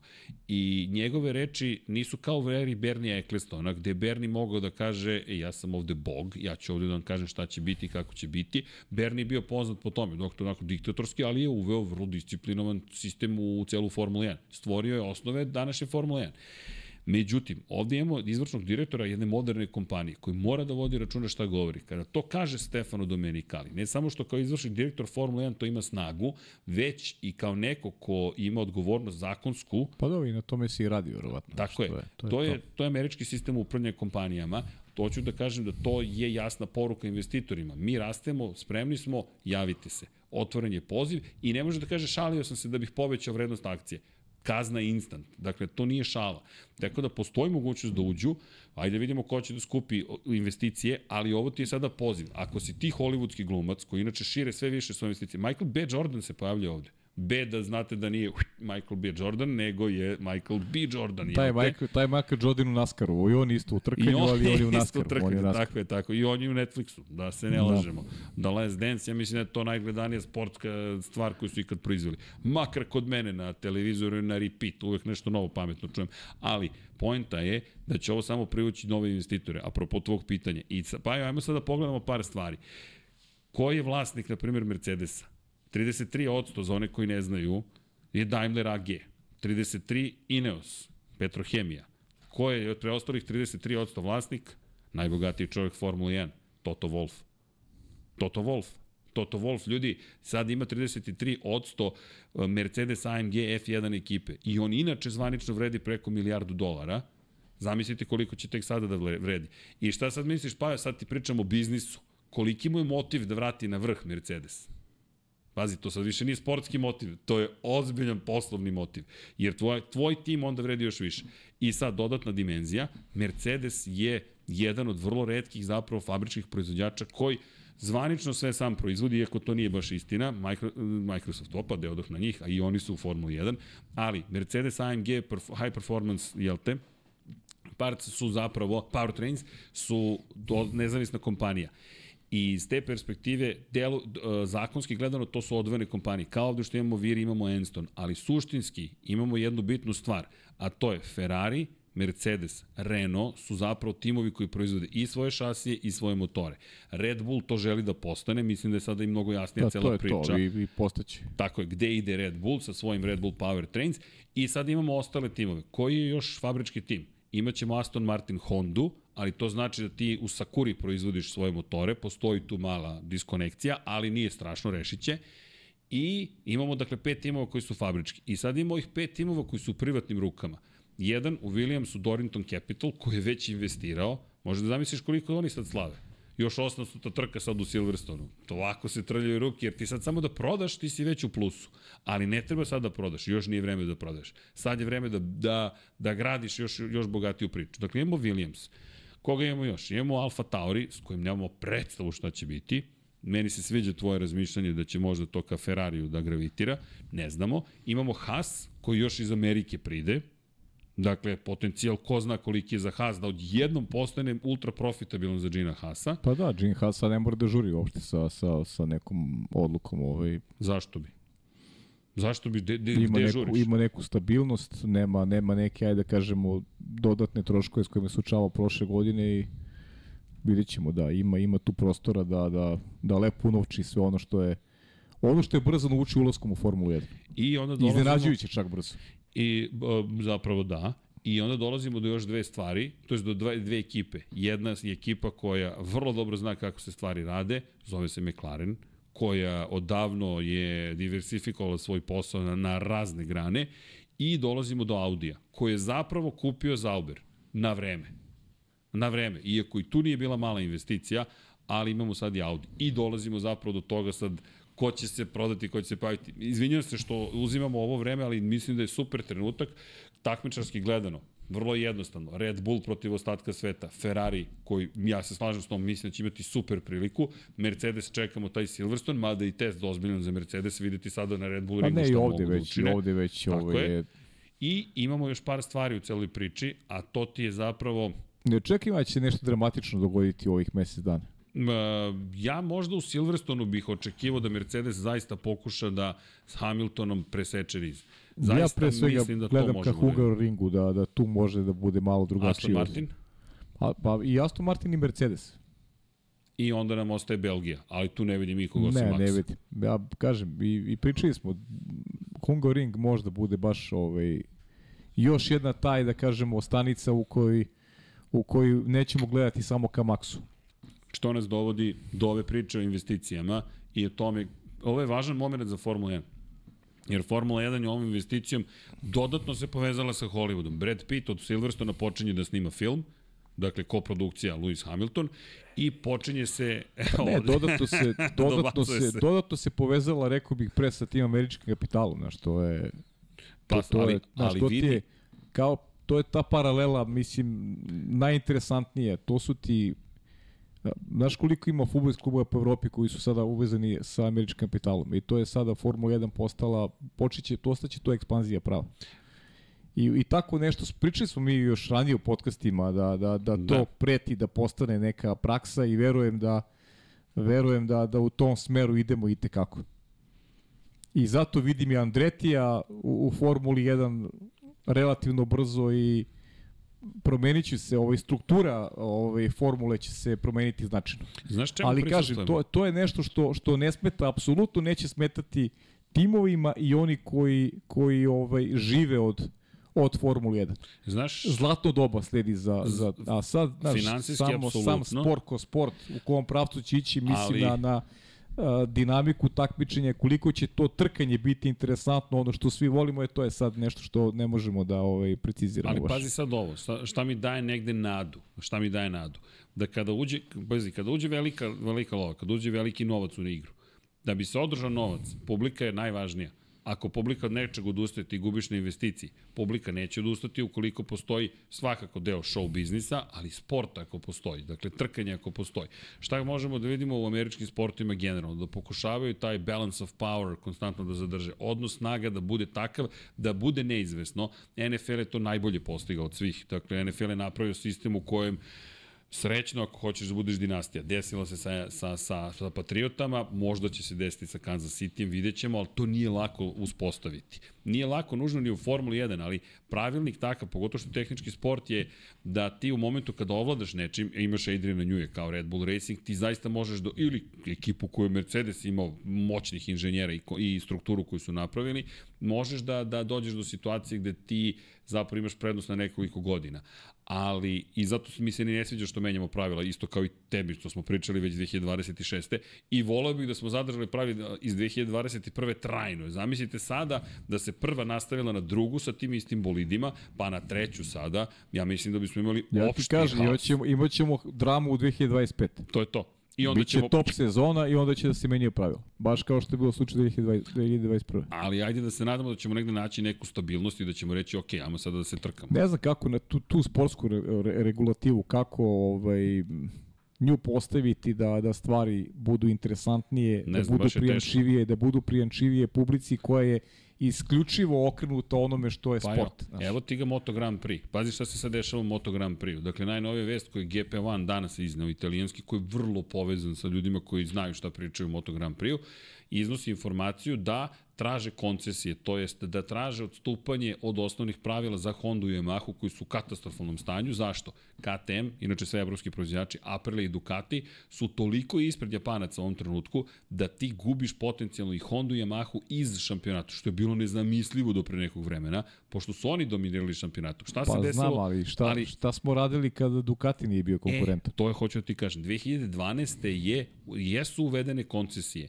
Tada su uvedene koncesije kako bi timovi koji su slabiji imali veći broj motora na raspolaganju, veću količinu testiranja, prava da koriste, na primjer, više goriva u jednom trenutku čak. Dakle, imao si sistem koji je te trebalo da izbalansira to. Međutim, Međutim, mi smo sada došli do toga da ti ako ostvariš određeni uspeh, ti nemaš pravo na koncesije sigurno i zapravo te stimulišu da gubiš, da celu sezonu provedeš kao gubitnik, da bi mogao narednu nije godinu to- da nije provedeš kao... rešenje. Tako je. I sad MotoGP pokušava da natera KTM, Ducati i Apriliju na koncesije. Već je rekao Massimo Rivola, izvršni direktor Aprilije, nema šanse. Ne dam vam koncesije, mi smo sad najzad stigli do vrha i sad treba da Tako vas je. pustim da se vratite. Punim pravom. Tako da ni taj sistem ne funkcioniše. ne, ne, ne, ne, Znaš, nije, ne, to opet nema ne veze, opet nema veze sa sportom, ovo to je sad isiljeno nešto, nešto, hoćeš da, hoćeš da nekako na silu I ovo izjedneš konkurenciju. Znaš da je mene to Mora nekom regulativom da se da se drugačije ovo isprovedu delo. iskreno, meni to deluje kao da u jednom trenutku moramo da, da, da promenimo taj sistem. Mislim da taj konstruktivni sistem, e vidi, imaš tri motora i to ti je to otprilike. Ili imaš e, šasi, ok, ok, hoćemo budžet da ograničimo. Ok, ima smisla u smislu toga da će ljudi, da će timovi zarađivati više. Ali da imamo problem inherentni, nasledni problem, tako što su neki bogati timovi na vreme sagradili supermoderne simulatore, tunele za vazduh i doveli ljude i ti sad kaskaš za njima. Opet je priča ovaj koja je utopija više, jer mi to sanjarimo, a ništa se neće promeniti. Pogotovo dok je ovako stanje. Srđane, ovo je stanje koje odgovara i ovima koji ne pobeđuju. Pa oni zarađuju, ovo, je, pazi, oni su ovo, u je, bla- plusu. ovo je blago stanje. Znaš, ti, ovo je blago, blago baš, stanje. zlo, Ovo je blago stanje. era, lepo si rekao. Zlatna era, nema više upadneš. to, znaš, nema, kasni mi plata, u problemu sam. Ma, ovo radiš Kakav nešto što... plata? O, ovo, ovo si- radiš nešto što voliš, a pritom imaš profit Ajo, ovaj od toga. To ti je si- ideal. Kao da ideal. si u najbolj... Ej, slušaj ovo, slušam uh, album Jazz od Queen, stari, 70 neka godina, i pevaju Freddie Mercury i kompanije i sviraju očigledno kako je jedina prava strast futbol. Futbol je prava strast, a rock and roll nam plaća platu, otprilike tu zarađujemo. I misli se, e, Freddy, Freddy. Sad je futbol, lova, rock and roll je strast, tamo nema para, kako, kako se okrenula priča. I sad dođemo do, do, do ove situacije. Sad, e, idem u Formulu 1 da zaradim pare. Čekaj, to nikad nije bio slučaj. Jer šta radite kada ste mehaničar u Formuli 1? Voziš kamion, pereš oplatu, lepiš nalepnice, ne spavaš po 24 časa dnevno i dobiješ malu platu koja će verovatno da zakasni, ali si srećan jer učestvuješ u velikoj avanturi. A sad, sad si Instagram zvezda, okineš jednu fotku, sad ti si mehaničar Formula 1, pff, kraj, kraj influencer. Ti si Boži Tatarević. Boži, o, Boži Tatarević. Ali tu smo stigli. Tu smo bukvalno stigli. Pa jest, sad, jest. I ti si sad, ne znam, što kažeš deseti tim Formula 1, kao, polemišemo, da. teška priča, znaš, nemamo poene. Ne, ne, ma ne, to Ma sve u je... redu. A zato ti kažem, za, zato jeste šira slika i pogled ka tome šta će biti sada sa, sa Williamsom, sa, ne znam, sa Alfa Taurijem, Ništa, sve će biti okej. Upravo to. Na, na kraju dana oni će biti u plusu. I prvi put, Eddie Jordan se sad hvata za glavu i kaže, to ja nisam u ovo vreme, promašili se, promašio Ko, sam Eddie? životni Zamisli vek. koliko bi on uzeo od sponzora. Eddie? Edi. O, On bi uzeo najviše. On bi bio bogatiji od Wolfa, ja ti garantujem, 100%. on bi A napravio... ne, ne, Wolf ne, ne bi bilo Wolf. Wolf ne bi postao Vuka ovo. su pojeli. ne bi, ne bi postao ovo. E, Edi bi ga pojeo. Za one koji ne znaju, Edi Jordan osnivač. Naljutit će mi se, naljutit će mi se Deki, ali zamisli Flavija. Zamisli Flavija u ovo vreme. U ovo doba Flavija. Ju, ju, ju, ju, ju, On bi imao četiri tima u Formuli 1. ne bi se znalo. Ne, nema ne bi dogovora se znalo između nas. ali vidi, ali ovo je sad evolucija kluba Pirana. Sad su Pirane obukle rukavice i rekle, sorry guys, mi sad nešto drugo ćemo. A sve je počelo sa Mihaelom Schumacherom. Šta su ti ljudi koji menjaju, menjaju svet? Kada su Jordanu oteli Mihaela Schumachera. U pola noći Da. u Belgiji dođe na tajni sastanak u jedan. A što u jedan ako je, to zna se zašto je Ako je tajn, ako je tajn. Pa to, to, znaš, sve je vrlo jednostavno. Pa dobro, to ti je istorija, kao što je Rossi u pola noći u Brnu otišao u garažu Yamahe da sedne na motocikl čisto da, da vidi kako mu stoji. I rekao, ima, ima potencijala. Znaš, volio bih da sam bio tu, znaš, sediš u toj garaži u pola noći, ono, sve glave koje odlučuju, Lin Jarvis i kompanija. I on ulazi u dukserici bez ikakvih oznaka, samo da sedne na motocikl i kaže, to je to. Ok, idemo. Istorija. E, sad prisustujemo nekoj drugoj, korporativnoj istoriji. Sad je došao Ryan Reynolds, ajmo Deadpoole da vidimo šta ćete sada raditi. I kažem ti, meni će biti sad fascinantno, evo sad već pričamo o njima. Sad već Alpina je dobila i thumbnail je dobila Alpina. Znaš kad bi dobila thumbnail Alpina da nisu uložili 200 miliona evra u nju? Nikad. I da ne dominira Max Verstappen, jer znaš, svake nedelje Max na thumbnailu, neće ljudi znati ko je, ove, ko je ovo izdanje. Max Verstappen RB 19.2 DB ABC, znaš, i onda kao ček, stavimo nešto drugo na thumbnail, daj Alpinu, neka vest se desila. Kaže Boris Srki, ne lista gazetu kao ti, nego Wall Street žurnal.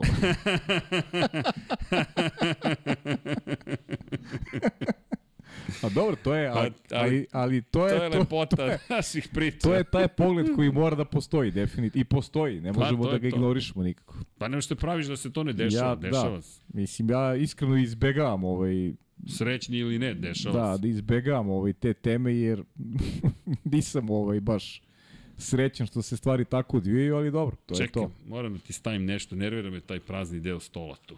Evo ti jedan Ferrari. E, evo ovako. Hvala ti. E, tako, sad sam mirniji. OCD mi radi, veruj mi. Svi vole čiste stolove. Jao Mile, pozdrav. Ko ne prati Jao Mile, košarkaški podcast, ispratite Jao Mileta, Čika Mile Ilić, mi ga zovemo Čika. Jedini čovjek s kojim ovako razgovaram. Zdravo Mile. Kad dođe, znaš i sam, koliko ima? 2.10, 2.15? 2.14. Promašio si. Promašio sam, ali dobro, visok čovjek svakako, ali i Luku i Kuzmu ispratite košarkaški Mile, podcast. kad gledaj, Mile ne sedi na stolici, znate. Da, da, me, On, se, on sedi na podu. Ali bukvalno, sedi na bukvalno podu. spusti najniže što može, pruži noge napred i po, povuče se da bi to izgledalo kao da može da stane u kadar. Ali ljudina, u svakom smislu te reči, baš Jeste, gospodin, jeste. veliki gospodin. Pozdrav za Čika Mileta, pozdrav za Luku i Kuzmu koji takođe snimaju. E, ljudi, zapratite Get Eto, evo, da vam, da vam kažem i to, MC Best, uh, di, uh, jest, sad je Junkie Baby, Aleksandar Đankić, kako god, koji god da mu je pseudonim sada, pozdrav za Junkie Baby, ako ne zna, ljudi, potražite, dakle, snima ovde u našoj produkciji, imate Geto mogućnost da ispratite, dobio je svoj kanal, dakle njegova beba sve radi na njemu što želi, nema nikakvog uvijanja reči, nema cenzure, nema da. političke korektnosti i podržite ga, još malo mu nedostaje da dođe do 1000 subscribera, 1000 sabova ali, ali super, stvarno, izašla je sada epizoda o Gru, pa eto, to je treća epizoda, u, čet, u subotu ili nedelju, ne znamo još, sa Junkijem je to, u, za vikend radim sad. Vikend je jedan dugačka pojava, ali za vikend bi live trebalo da uradi Geto, pa eto, budite u toku. Zato, pronađite kanal, topla preporuka. Čitajte u roku. Čit... I tako. Elem, da. To, tako da dešava se, pratite, vidjet ćemo koja je sledeća hollywoodska zvezda i šta nam to stiže, ali šta hoću da kažem da, apropo Hollywooda. Da, mislim... Ovo će proširiti priču još hoće. više marketinški, planetarno. Hoće i, i što kažu ovde i komentari, ja se slažem. Stvarno, pro Formula 1 neće propadne. To je, to je neće. činjenica, ali struktura trkanja, kakva će biti, to mene brine i ne znam, bojim se da ćemo sve više posećujemo ovaj stazi gde su nasiljena mesta, gde ćemo gledamo ulične trke, gde, gde u, u, u, stvari, u stvari ćemo gledati jedan show. Hoćeš pa da ti odvezem jedan Vegas? Nemoj sam mi voziš Vegas. Vegas ćemo vozimo kad dođe Vegas. kad dođe ja, Vegas. ja se radujem sad ovoj seriji ovih, ovih evropskih trka, pravih staza i meni, meni, meni ovaj, ovaj deo sezone mi najinteresantniji, najviše volim da ga pratim. Tu su i, i Belgija, i Monca, i Red Bull Ring. Tako da, ovaj, i Zandvort u krajnjem slučaju, sad sam radio dobre trke u Zandvortu za vikend i ta staza je onako lepa, prijamčiva za, za, za gledanje, za trkanje. Tako ja, ja volim te trkačke staze, ali bojim se da ulazim u jednu eru kada kada će svaki veći grad ovaj, imati imati svoju ovaj, veliku Ali, nagradu. Ja sam ipak malo optimističniji od tebe. Znaš zašto gledam? Um, ne zato što duboko verujem da, da im je odjednom u srcu sport, pa sad, ali kad gledaš i sa šta su ne, radili... Ne, nije im u srcu sport. Ali, e, ne, znaš nije u srcu sport. U, u srcu je ovo što ovo o čemu smo do sada pričali, to je u srcu, jer to je znaš, to je nešto što to je kapital koji koji ovaj koji koji će da pomoći svima da da ovaj da da dođu do nekog do nekog svog ovaj do nekog svog interesa, znaš, to je to je priča. To nije samo Formula 1 sređene, to je to je generalno je sport ovaj se je je je postao ovaj deo kako bih rekao ovaj neke, neke, neke zabave za široke narodne mase gde ovaj, oni koji participiraju u njemu imaju ovaj, ozbiljnu, ozbiljnu zaradu od, od cele priče naš. Tako da to ti je futbol, to ti je i, uh, i formula sada, košarka. To je to, ali prosto, prosto ovaj, takvo vreme ovaj, živimo i Ali, znaš šta, okay. ja i dalje, kažete, ja sam malo optimističniji. Negde želim da verujem da će nekog od njih da, da, da buba uhvati takmičarska. Znaš, da će želiti ne samo Alpina da im posluži kao platforma za reklame, za monetizaciju i tako dalje, nego da će neko tamo reći, vidi, sad smo ovo kupili, aj pobedimo. Znaš, a, a ajmo, misliš, ajmo misliš, da je, misliš da je investiranje u, u Alpinu da je, da je bazirano na sportskim motivima. Ne, ne, mislim da, ne, mislim da su, ali šta hoću da sad zavisi kojoj vrsti kapitalizma uh, teže, jer kapital se podrazumeva, ali da li ti je vizija, misija, zaista ono što u što veruješ? Jer na kraju dana, hteli mi ili ne, svi moramo da zaradimo. Infinity ne, da bi opstao ne, mora da zaradi. Okay, ne, ali, razumemo se. To, ne, ne, ne, ne, to je, ne, ne, ne, okay. nešto drugo hoću kažem, ali nama nije bio ni plan, emo zaradimo, ne, nama je bio plan, aj pričamo o, o Formuli 1. Upravo to. A ovde se nadam da, ok, ovo je dobra investicija, ali da će nekog da uhvati taj moment, ako ne bube sportski, makar da će kaže više ćemo da vredimo ako pobedimo. Znaš, ajmo da vidiš, ako su kapitalisti ono ultra, da kažu, e, aj pobedimo sa ovom našom Alpinom. Ajde, vidjet ćemo. Ne, ne kažem da će se to desiti, Vre, samo vreme, vreme je želim. svedok. Vreme je svedok. Slažem se. Vreme je svedok. Pričat ćemo o tome, mislim. Pa namer, nameramo ovo da trajamo svakako. Čekaj, da... pa sad Deadpool mora da nam dođe u studio. Hello, Mr. Reynolds. Uh, A da. so, did you invest Kad because bude- you want to win or because you want need more money? Znaš kako? Aj za početak da ga, Ajde. da ga vidimo na, na stazi nekoj. Uh, e, ali vidi, sa Rexemom je on bio na stadionu, koliko sam ja ispratio. Okej. Baš je bio Okej. zaluđen, baš je bio... Super, ajde da ga vidimo za početak da dolazi i da pokazuje tu vrstu strasti, da dolazi i da dolazi na trke. Pa, I da je tu, ako- znaš, ajde za početak Ajmo, to. slažem se, slažem se. To bi mi baš onako bilo To, super da pa, vidimo. če- Ajde, Ajde. Da, da, pa evo, vlada je ubeđen da će da se desi. ajde okej. Ajde da vidimo.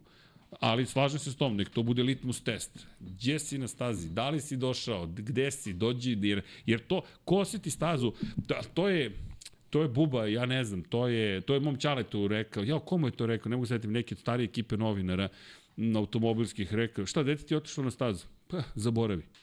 Kaže, ajde pajo zvuk, to, ćeš nek, to će možda nekako i da, da ga prođe.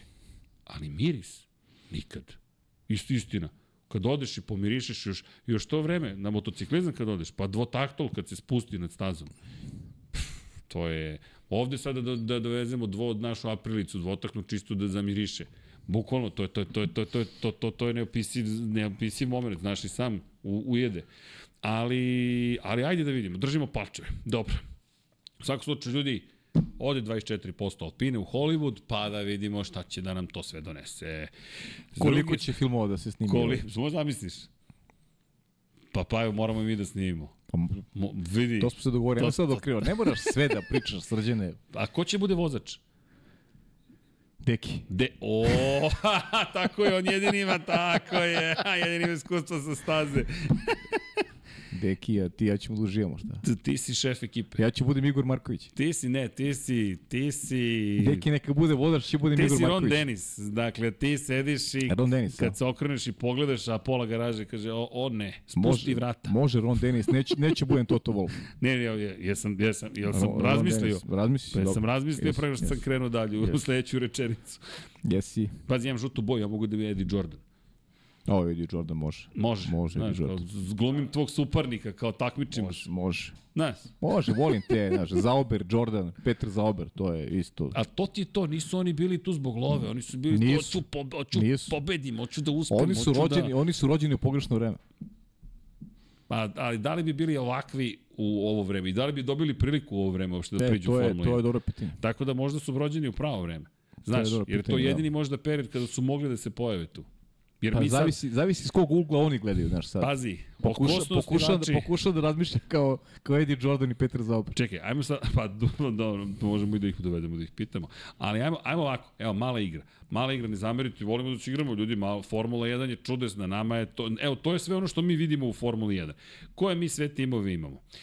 Mm, ajmo da krenemo od, e, od, da krenemo od Mercedesa. Dakle, Mercedes, kako je nastao Mercedes? Tako što je bio Bron Grand Prix. Šta je Bron Grand Prix bio pre Bron Grand Prix-a? Se neko seća? Honda mm. Racing F1 tim. Dakle, to je bio Honda Racing F1 tim. Šta je bio pre toga? British American Racing. Je li tako? Dakle, mi pričamo o British American Racingu. Čiju licencu je kupio bar British American Racing. British American Racing? Čuvenog Kena Tirela. Jeste. To je bio Tyrrell. Mi zapravo danas kad gledamo Mercedes, to je Tyrrell organizacija koja osvaja titule. Jednostavno mi pričamo o, o čoveku koji je osnovao ovu ekipu 1968. Ču legendarni Ken Tyrrell i to je, to je taj jedan od tih ljudi. Zašto si osnovao? Hoću se trkam. Znaš, to ti je geneza Mercedesa. Znači, eto, Mercedes kako je nastao? Tako je nastao. Red Bull Racing. Šta je bio Red Bull Racing pre ovoga? Bio Ja- Jaguar Racing F1 tim, je li tako? Dakle, mi govorimo o tome da smo imali Jaguar. Šta je bio pre toga? Stewart Grand Prix. Ko je osnovo Stewart Grand Prix? Jedan jedini Sir Jackie, Sir Jackie Stewart. Zašto je osnovo? Pa ne zato što mu treba novac, nego zato što je hteo da pobeđe zajedno sa svojim sinom. I oni su osnovali u Milton Kinzu, jel te, gde je i dan danas Red Bull Racing. Šta, kako nam je Aston Martin nastao u celoj priči? Nastao je tako što su otišli i kupili Racing Point. Kako je nastao Racing Point? Tako što je de facto Force India bankrotirala i oni su je na sudu preuzeli. Pre toga se zvala Sahara Force India, ali ajde, to je jedan te... Spiker je bio pre toga, koji je nastao od Midlanda, koji je nastao od Jordan Grand Prix-a. Tako da mi dan danas imamo Jordan, zapravo Jordan Hondu, to je Aston Martin Hondu. Stvari, Eddie Jordan moj, mora da vidi sa, sa strolom ovaj, kako Sa da reši strolom tu mora da vidi strukturu. kakva je situacija, tako je. Dakle, Ferrari, evo ti jedan svetli. Zašto je Ferrari Ferrari? Pa dobro, Ferrari. Zato što je Ferrari. Nikad nije bio ništa drugo. Ferrari. Osnovan i dan danas postoji. To ne, možeš, ne možeš da kupiš. Ne, to, to je istorija o Maranelu. Kad odeš u muzej i gledaš i kažeš, wow, to je to, to postoji od uvek. Sad već od uvek manje više. Kako je nastao, jel te, Renault? Od, tako uvek, od uvek i za uvek. to, to je Alpina, pa bukvalno, tako što je Alpina zapravo postala Renault. Kako se zvao pre toga? Lotus F1 tim, je li tako? Kako se zvao pre toga? Benetton. Benetton se zvao, to je, to je ovaj tim koji je nastao iz Benettona, koji inače, za one, e, ovo je nagradno, nije nagradno pitanje, ajde, ko se seća od, od čega je nastao uh, Benetton?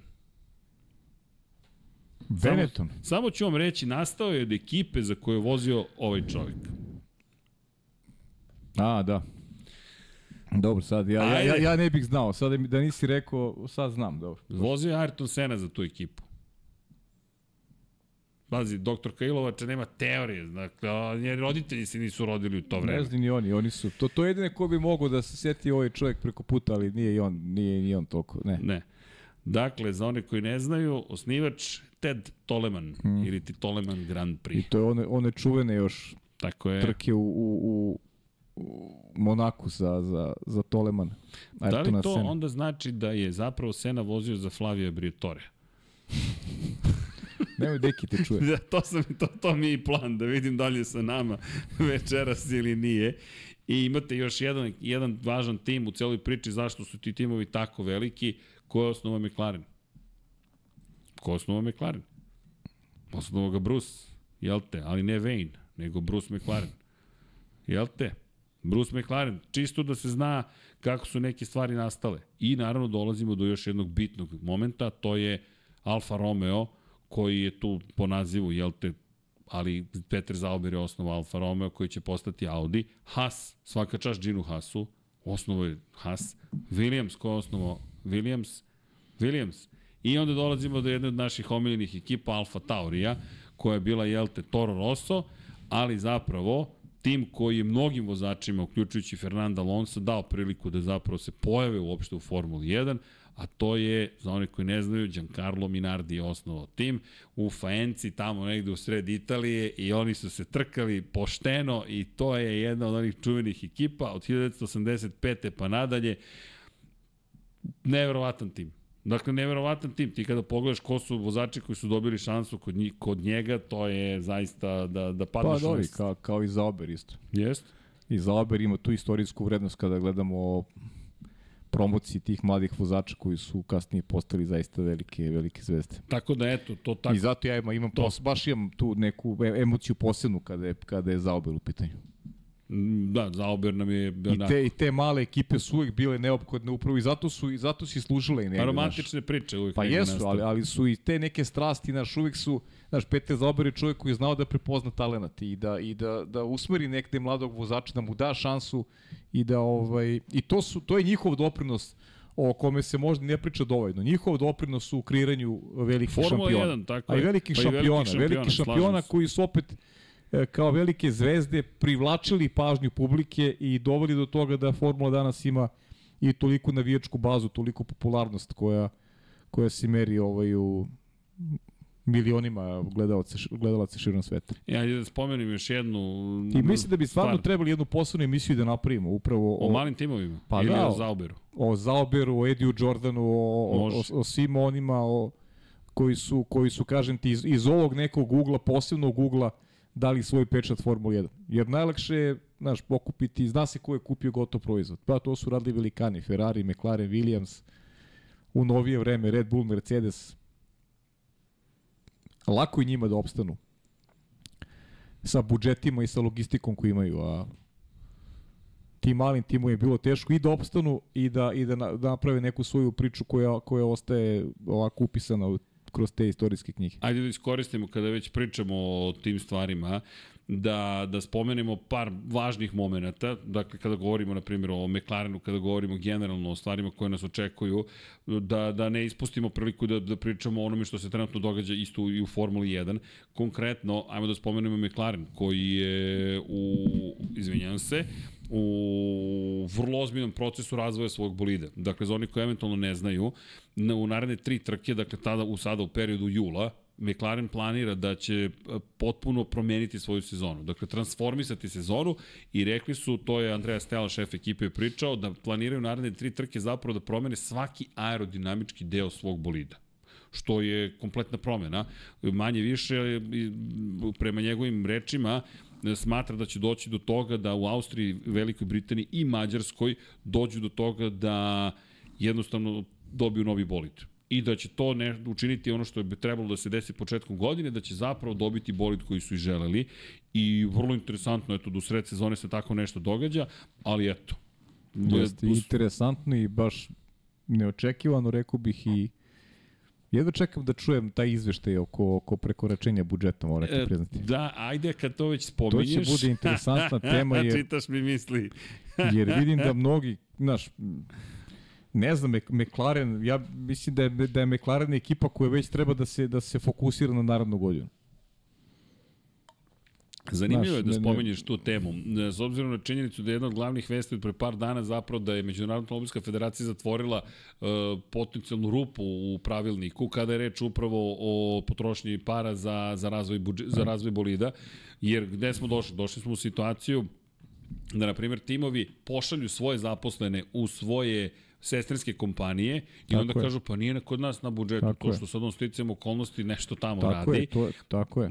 To dođeš u situaciju da kažeš pa čekaj, Red Bull sa svojim Advanced Technology jel te, sistemom, Applied Science za Mercedes, ne znam kako se zove za, za Aston Martin, svi imaju po nešto. I sad, između ostalog ljudi se bave razvojem bicikala, jahti, sportskih automobila i tako dalje. I ti kažeš pa znate šta, oni nisu meni na nisu na plati. Međutim, Uh, ono što je zanimljivo da je TD, tehnička direktiva broj 45 kako, kako su imenovali rekla da timovi dalje mogu da se bave tim posebnim projektima međutim svaka intelektualna svojina svaki IP, intellectual property koji se razvije u okviru tih projekata i koristi u okviru ekipe Formula 1 mora da bude uračunat trošak tog razvoja tog projekta u okviru budžeta, to je ograničenja budžeta koji imaš u Formuli 1. U pokušaju da zatvore tu rupu. Mislim da neće da će zatvoriti ovu, da će timovi naći neku drugu, ali to je uvek bila igra. Pa dobro, uvek je naša rupa u zakonu, ovaj, to je pojam koji kao rupu u propisima, što su koristili inženjeri i pravili su ovaj razlike u odnosu na svoje kolege ali mislim da da generalno ta prošla godina nije dala dobar primer kada je u pitanju kazna Red Misliš Bulla. na Red Bulla? Na Red da, Bull. i samim tim, znaš, verujem da će mnogi timovi ove godine pokršiti budžet, jer šta je kazna? Kazna je, kazna je, kazna je mizerna. Pa, pa pazi sad... po, pogotovo za one koji, koji se već sad okrenu, okrenu u ovoj pripremi za 2020 i, i petu godinu. Što nas I dovodi do Mercedesa, koji kaže da planira fundamentalne promene u razvoju svog bolida za 2024. Upravo to. Ali, ali, pazi sad ovo, neće ga sputati ograničenja u budžetu. Šta god to sad značilo, tumačimo kako god želimo, pa ne, ali, ali da zašto tumačimo. ti, ako ćeš da dobiješ, ne znam, ograničenje ovaj rad u vazdušnom tunelu, ako je to kazna, mislim, to nije, to pokazalo se nije kazna. Jer ja, iskreno, ono što smo rekli s početka godine, Srki, ajde vidimo kako će izgledati drugi deo sezone u pogledu kazne koje čeka, koje ima Red Bull. Znaš, izvini, koje ograničeno vreme, Red Bulla? ograničeno vreme u vazdušnom tunelu. To možda može da promeni to sad počinje da stupa na snagu. Tako je. To sad počinje da stupa na snagu. To. Zato je bitan taj početak uh, drugog dela sezone. Ne očekujemo ništa spektakl u ovoj četiri trke jer ništa se suštinski neće menjati. Kada startuje drugi deo sezone, možda će taj, taj, taj problem koji ima Red Bull, ta kazna, koja u suštini nije kazna za njih jer imaju dominantnu godinu, ali možda će se rivali približiti drugom delu sezone pa dobijemo o, interesantnije trke i znaš šta to može da bude? Reper timovima kako da se ponašaju, da li da li vredi da iskoči iz tog planiranog budžeta, da li je kazna skupa ili nije. E pa slušaj sad, slušaj Tota Jer, Wolfa. jer ta regulativa mora da se promeni. To mislim da je, da je kazna stvarno A- ali- nikakva ali- za, za, za, za prekršaj koji Red Bull Ali napravi. vidi, mi se sad ovde vraćamo se opet u priču malo pre o Hollywoodu i biznisu. Mi se sad iznamo- igramo klasičnog biznisa, koji ima du- duple knjige manje više, koji ima bolje knjigovođu, koji će da zavede to kako treba. Je li to catering? 100% Ma, catering, verujte catering, mi. Pa, da, Ali pa vidi, mnogo se jede. Treba vidjeti, pa, treba izmeriti svakog člana ekipe pre početka sezone i, I i, i izmeriti sezone. Na kraju. Da Ali vidimo. slušaj ovo, a izvini, kaže Toto Wolf da su oni zaposlili 46 ljudi u finansijskom odeljenju. Ok, finansijski menadžeri, ste studirali ekonomiju financije, Formula 1 zapošljava. Samo zamisli koliko im vredi. Ako ti imaš 46 ljudi na plati, 46 ljudi na plati, koliko tog para tebi ode samo da oni regulišu da ti ne prekršiš budžet. Čekaj, stani. stani, mnogo, mnogo je kume. Da dolazimo u situaciju da se mi bavimo opet biznisom mnogo. Pa znam. Ali okej. Pa i, I Toto ćemo Wolff- ti mi da se bavimo. Tako je. I on je rekao, mi smo postavili ogromnu organizaciju zapravo i pratimo trend koji smo videli tokom cele godine, dakle šta, su, šta to zapravo čini, šta su učinili i ono što jeste zapravo igranka, kako da određene resurse prebaciš u knjigovodstvu na druge projekte. I Otmar Safnauer se žalio u početku godine. Motorsport.com je podsjetio na to. On je čovjek pričao o tome da su ostali timovi našli rupu u sistemu. Zaposlim ja, ja u doktor Kilovaču, kažem, doktorka ide tamo, radi nekom drugom projektu, ali zapravo završava nešto što je za Infinity Lighthouse. Ali nije bilo u Infinity Lighthouse-u, to nije na našim knjigovodstvenim stanjima. A zašto otkrivaš ono što nameravaš da uradiš? Ja, ja ništa ne nameravam da uradim. Ja, ja ništa ne nameravam da uradim. ja, Šalim se sređene, ali dobro, to je opet sad ulazimo, ulazimo u priču koja je jasna kao Ne, dan naš. ali me dovodi, izvini, do ovoga što ti pričaš. Baš je sada zanimljivo, jer vidi, sad stupa na snagu kazna. Od ovog momenta kreće kazna, dakle sad ulazimo u taj mesec, i Red Bull više ne može da koristi CFD, Computer Upravo Fluid Dynamics, upravo to. Ali će to da otvori, otvorit će pogled ostalim ekipama kako mogu da se ponašaju u budućnosti, jer ako je to kazna, ali vidi, Ko, ako je to kazna koju će dobijeti ekipe, pa čemu onda onda pada potpuno vodu priča o ograničenim Ali- budžetima. a tako je, Ljudi, nemojte ali- više da ograničavate budžete, pustite ljude da rade u skladu sa tim koliko imaju. Ali pritom, vidi. pritom, na sve, na, na, na što se nadovezuje cela priča? nema. Pa nadovezuje se na ulazak investitora u Tako je, Alpinu. nema ša, ali nema Ti šanse. više nemaš potrebe da, da praviš ograničenja, E, svi će ekipe, ali- ekipe doći do toga da mogu da potroše mnogo ali, novca. Ali nije. Zato što, Pajo, ti ne bi dobio investitora da on nema garancije da će svi imati ista pravila igre. Ja mislim da nijedan američki investitor ne bi ušao bez ograničenja budžeta. Zato što je to njihov, njima poznat teren. Ja ne kažem da je to dobro ili loše, samo tumačim Pa znam, ali već smo prekršili pravila igre prošle godine. E, ali sad, zato je sad bitna ova Znači, godina. čemu? Na, na cateringu smo potrošili. Je, pa četiri- svako će da izmisle, izmišlja nešto. Slažem se, ali ček Jel da vidimo... misliš, jel ti misliš da će neko Ferrari da udari ozbiljnije, po, ne, ne znam, da, da i kazni ozbiljnije ukoliko on ne prekrše budžet? Ili misliš da će Mercedes da dobije neku ozbiljniju kaznu ukoliko prekrši budžet? Mm, Pa oni, mislim? pa oni trebaju u Formuli 1. Pa da, ali onda si onda je ceo ceo sistem be- besmišljen. O, naravno. Na dok je to, Pa to smo pričali prošle godine. Pa naravno da je besmišljeno. Ali vidi, ajde sačekamo da Koga vidimo. ćemo kaznimo? Ako Haas, napravi, ako Haas prekorači budžet, tu je- ćemo da kaznimo. Mi ćemo da kaznimo. A normalno. Pa Čekaj, to je to. čekaj, pa nije Pa isto... to ti igre velikih i malih klubova, kao, kao, kao i u drugim Pa sportovima isto. Čekaj, ko dobija kazne? Formula 2 i Formula 3. Pa naravno. Kad tu radi Formula 1, Tako je. blink, blink, nije Pa radio ko, monitor. ko dobija kazne za ometanje na stazi? Dobija, dobija uh, Ko? Magnus, Magnusen i tako je, ovaj- visi mu granična I ploča. ovaj što se oprostio, kako se zove ovaj što se oprostio, ovaj, ovaj moj omiljeni, što se, kubi, o, ne, vidim mene Kubica, ovaj, Ko? Latifi. Latifi. Moj om... Nikolas. Latifi Go čovek, Tifi. Ne, ne, ne, Latifi Go čovek Tifi. svake nedelje je kažnjen zato što neko ometa na stazi. Onda vidiš isti, isti primer kod ovih šampiona niko ništa nije video uopšte. A što oni nisu ometali. A Oni nisu, su toliko pa da. brzi da ne, ti nisi shvatio šta oni rade. ometaju u stvari. Tako je. Oni kad prave grešku, njih ometaju. Jesi gledao Moto2 trku? Neću da kvarim podcast za sutra. Ni- nisam, U Moto2 nisam, trci gledao sam čovek samo koji je projekat marketinško-sportski i to nema veze sa njim, je nagazio zelenu, zelenu površinu, zagazio zelenu površinu baš kaznu dugog kruga. Blink, blink, niko nije video. Pazi sad, a, raskorak između... Pa ne, ali- vidio sam Zarku što je dobio kaznu. To se, ne, ne Zarko, bar nego Binder, Binder, Binder, da, Binder. Dobro, za drugu kaznu, ako Pajo, jednom dobiješ kaznu i to ponoviš i s- sutradan na isto mesto, Ma na isti nije, način. nije, ali vidi, nemam ali ništa izvini, protiv, ne, ali ti kažem. u, u Moto2 trci neko nagazi za jednu liniju. Pazi sad, uh, uh, razjedinjenje u sistemu Instagram, ko vodi, društvene mreže ko vodi za, za Dornu, je postavio fotografiju na, na, na Twitteru da li će dobiti kaznu Pedro Acosta i gde se vidi da je na zelenoj površini. A na TV-u sudije, Dorna, svi ništa. Jer Instagram ekipa nije dobila obaveštenje, nemoj to da stavljaš. Nego, Pa ne to ti je ista priča, to ti ista priča iz ovo. Binder je dobio, da li bi dobio Mark Marquez kaznu za on? Na kraju trke. A, pa mislim da... Uf, to, pa, a, Pa ne znam, da hipotetičko pitanje, ajde, samo Ne da, znam. znaš. Stvarno ne znam. Ne znam. Bindera je lakše to ti je, kazniti. pa lakše, naravno I da da je samo lakše. se razumemo, to isto važi za Francesca Banjaju, za ne znam. Marka okay, zato što- kaznili, pošto je... Ipak je on najveća zvezda, zbog toga, zbog toga sam njega naveo, ne zbog nečeg drugog. Mada sad kakva je situacija, ali dobro, Pa sutra dobro, ćemo o tome da pričamo Okej, više, da. ali da, drama je tamo. Ali, to ti je igra, šta je suština, Suština priče? je- Igra velikih i malih. veliki. I to je to, naš suština, igra velikih i malih. I tako da će uvek veliki da nalaze tu rupu i, i proće priča o cateringu. Ali I to ja- će svi da progutaju priču ali o cateringu, pa neko će se buni 10 dana Uf. i nikom ništa, razumeš? Znaš šta, i, uh, nadam, Misli da, sad kako bi, e, Znam da- priča o cateringu verujem vređa da si- inteligenciju, znaš, vređa inteligenciju priča o Pazi, cateringu. verujem da si u pravu u smislu šta će se desiti.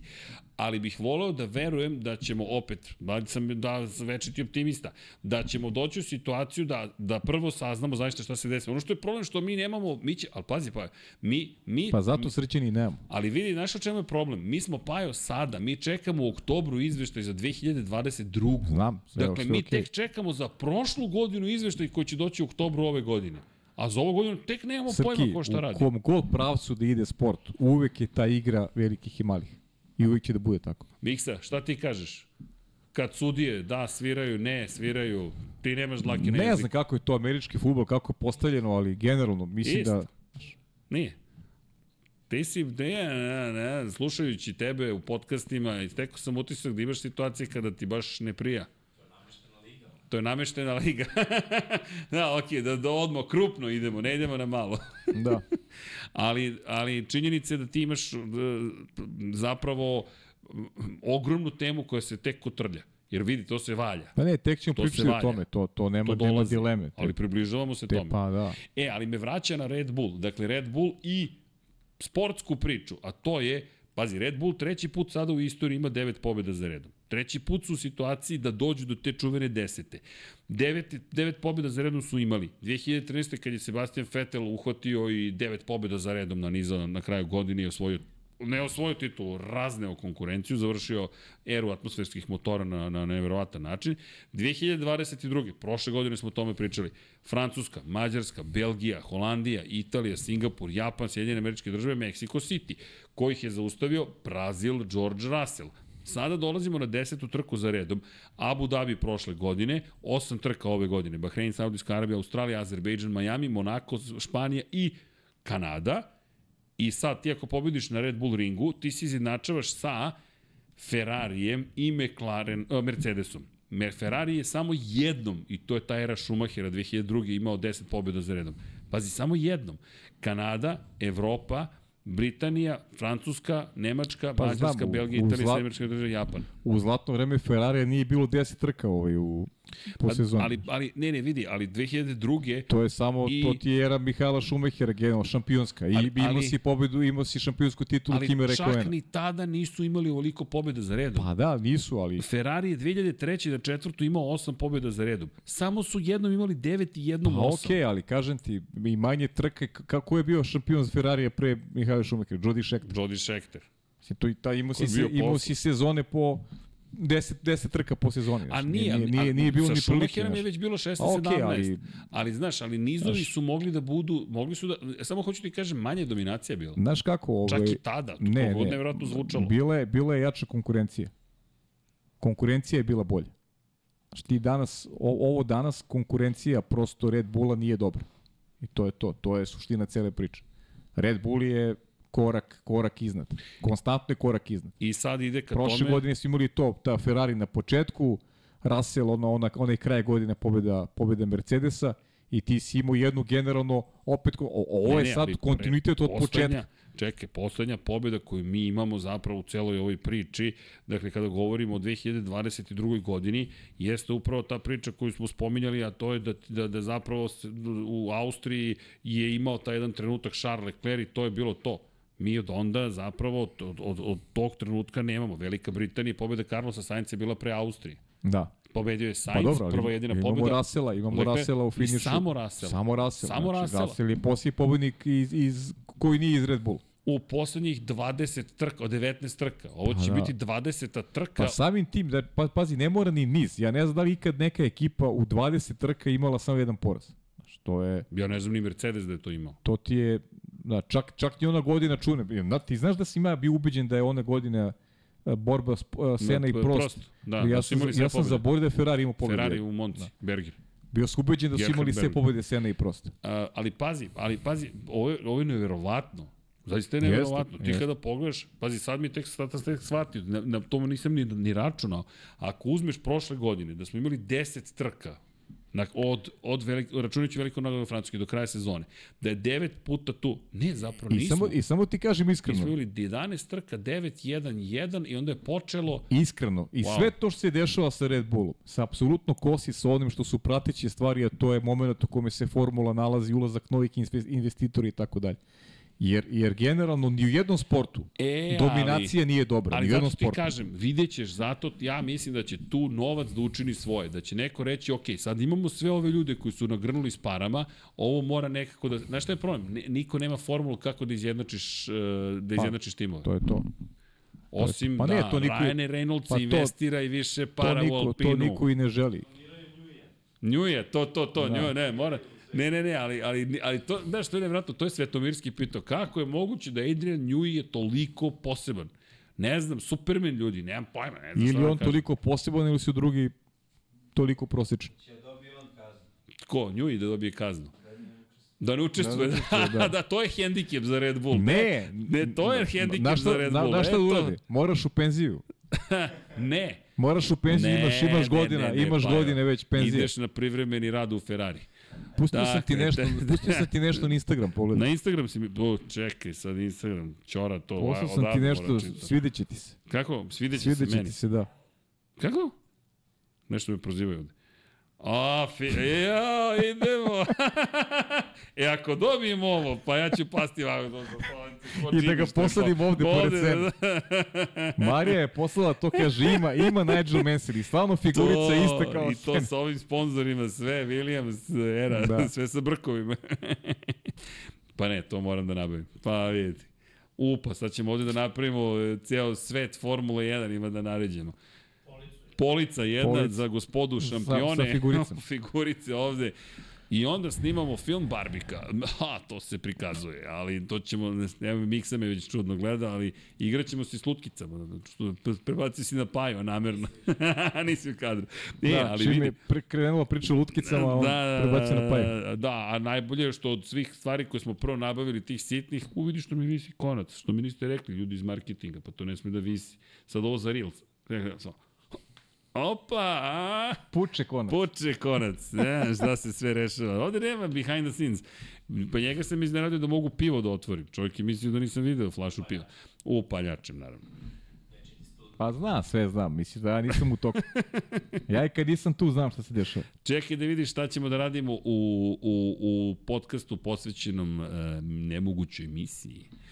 E, Elem, imamo kacige za timove e, NFL-a. Odatle je prvo počelo. E, ali da se vratimo na rekord. Dakle, ljudi, istorija u svakom smislu te reči. Sad mi je, tek, sad mi je sinulo koncept 20 trka Formule 1. 20. će sada biti ovoga vikenda velika nagrada Austrije.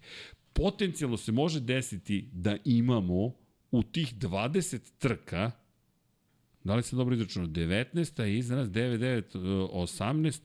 Da, mi ćemo imati 19 po... Da, da ponovim još jednom.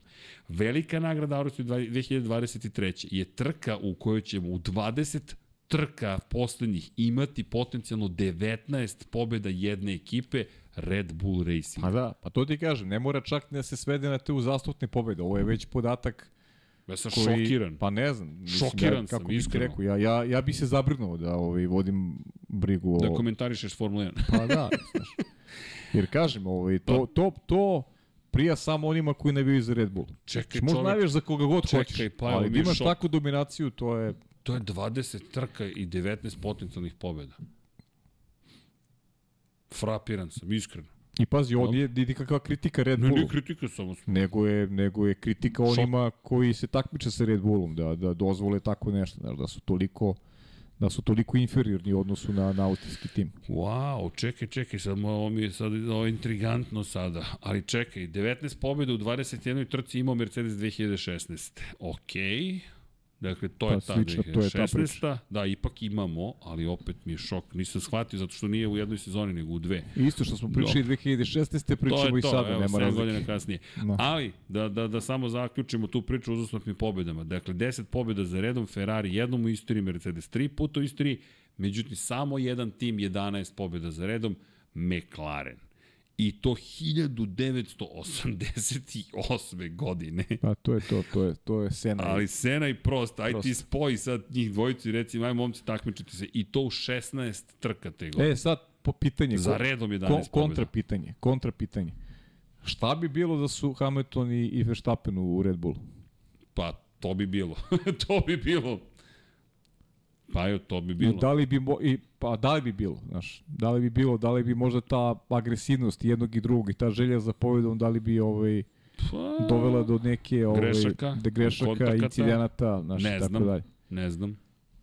Ne znam, stvarno Ali kad ne znam. pogledaš kvaliteti naš koji posjeduju obojica, ubaciš ih u jedan tim, pritom ne bi nam toliko ni smetala ovaj, dominacija jedne ekipe, jer bi imamo onda trkanje između dvoje timskih kolega. To je ono što u suštini nedostaje modernoj formuli. Što ovaj, imamo podele na, na vozače 1 i 2. Nije toliko sad Red Bull kao Red Bull ili Mercedes svoje vremeno. Sa izuzetkom one, one godine u kojoj je Niko Rosberg pobedio o, Luisa Hamiltona, ali razlika u kvalitetu ili ti pristupu timova nas je dovodilo od toga da, da gledamo da gledamo sportski motivisano sa, sa manje uzbuđenja, sa, sa možda manje interesovanja, jer Jer ti znaš u suštini kad Max Verstappen prvi uđe u, u prvu krivinu, znaš šta je epilog. Kao što je u ono vreme Lewis Hamilton takođe ulazak u prvu krivinu s prve pozicije, to je to. Ti manje više znaš ko je Da, pobedio. da, da, da, da, ali fascinantno je sad zapravo, dobro, igramo se malo brojki. Gde smo i šta smo. Ja sad gledam neke, neke manje slavne rekorde, ali evo, Haas se približava nekim neslavnim rekordima. Imaš najviše trka bez pobede. Arrows 383, Minardi, spomenuti malo pre, 340, Force India 203 pobede, bez pobede, Gde ste ti trke bez pobede? E, Trke bez pobjede. Dobro, e, koje su započeli bez pobjede. I Haas na poziciji 4, 152 trke bez pobjede. A bio je Niko tako blizu prošle. Niko, jao, ajmo, zamisli, ali to, ne, e, iskreno, ali to mi nedostaje. Šta je bilo lepo vidjeti 2020. Da, da, pa i 21. da se desi neka tako iznenađujuća, iznenađujuća pobjeda. Yes. Znaš da se nešto ipak dogodi. To mi nedostaje u ovoj novoj eri. Pa ono Srke, ona Hibridnoj. 2012. ona godina. To, Prvih sedam trka, sedam različitih pobednika. šest šampiona. To je sedam pobednika različitih. Pastor Ti ne znaš ko Maldonado, pa Pastor znaš. Maldonado pobeđuje. Znaš, malo te romantike. ti dođeš, ti dođeš na posao ili ljudi koji gledaju, ti ne znaš šta, šta, šta očekuješ. Ti ne možeš da To je napraviš, bilo- ne možeš da to napraviš kalkulaciju. komentarisanja te Pa ne, godine, to- baš to je bilo uzbudljivo, nemoguće. E, misli. e, to je nešto jel, što- To je, To je Pa nešto što privlači. a dobro, ti ja uživamo Nema be, bez, pa ne, nije sporno Srki, ali znaš, taj neki, taj neki sportski motiv mora bude primaran. Znaš. To je nešto što, što pali Ajmo Ryan Reynolds. znaš. Ajmo. Ajmo investitori da verujemo u sport. Gledaju me sumnjivo i Miksa i Paja. Vlada negde naginje ka ovom mom besmislenom optimizmu, ali to ti kažem, Vlada, to ti kažem, ima da se pojavljuje Deadpool tamo i da kaže titulo da se osvoji u Alpini. Da. Kad bih Deadpool motivisao, ja mislim da bi osvojili sigurno. Pa dobro, on se... Može tako da kaže kao je ti, pošto on glumac dobar, on može to da ovaj, Hvala ti, Paja. sa tom ulogom, naš. da odigra ulogu. Dobro. E, Elem, i tako. Red Jer, jer, jer ovo je bilo kao gluma, znaš. Ovo Pa si se, uno, unosi se ja baš ulogu, Ja se stvarno nadam tome, iskreno. A stvarno bih volao to da vidim. Ne zato što nužno verujem, ali želim da se i, to između ostalog desi. Dobro, A u sprintu, pa dobro, ali sad imamo sprint shootout. Imali smo onaj u Baku i ništa nismo videli u subotu. Ja makar nisam vidio nek, ni, ništa suštinski bitno u celoj priči. Perez tu završio posao. To je manje više bilo to. Sam dobro zapamtio? Jesam. Jesi. Jesam, da. Pa dobro, o sprintu, o sprintu su više pričali kao opet događaju za publiku. Jer ti u suštini imaš samo jedan trening tog Pa vikenda. da.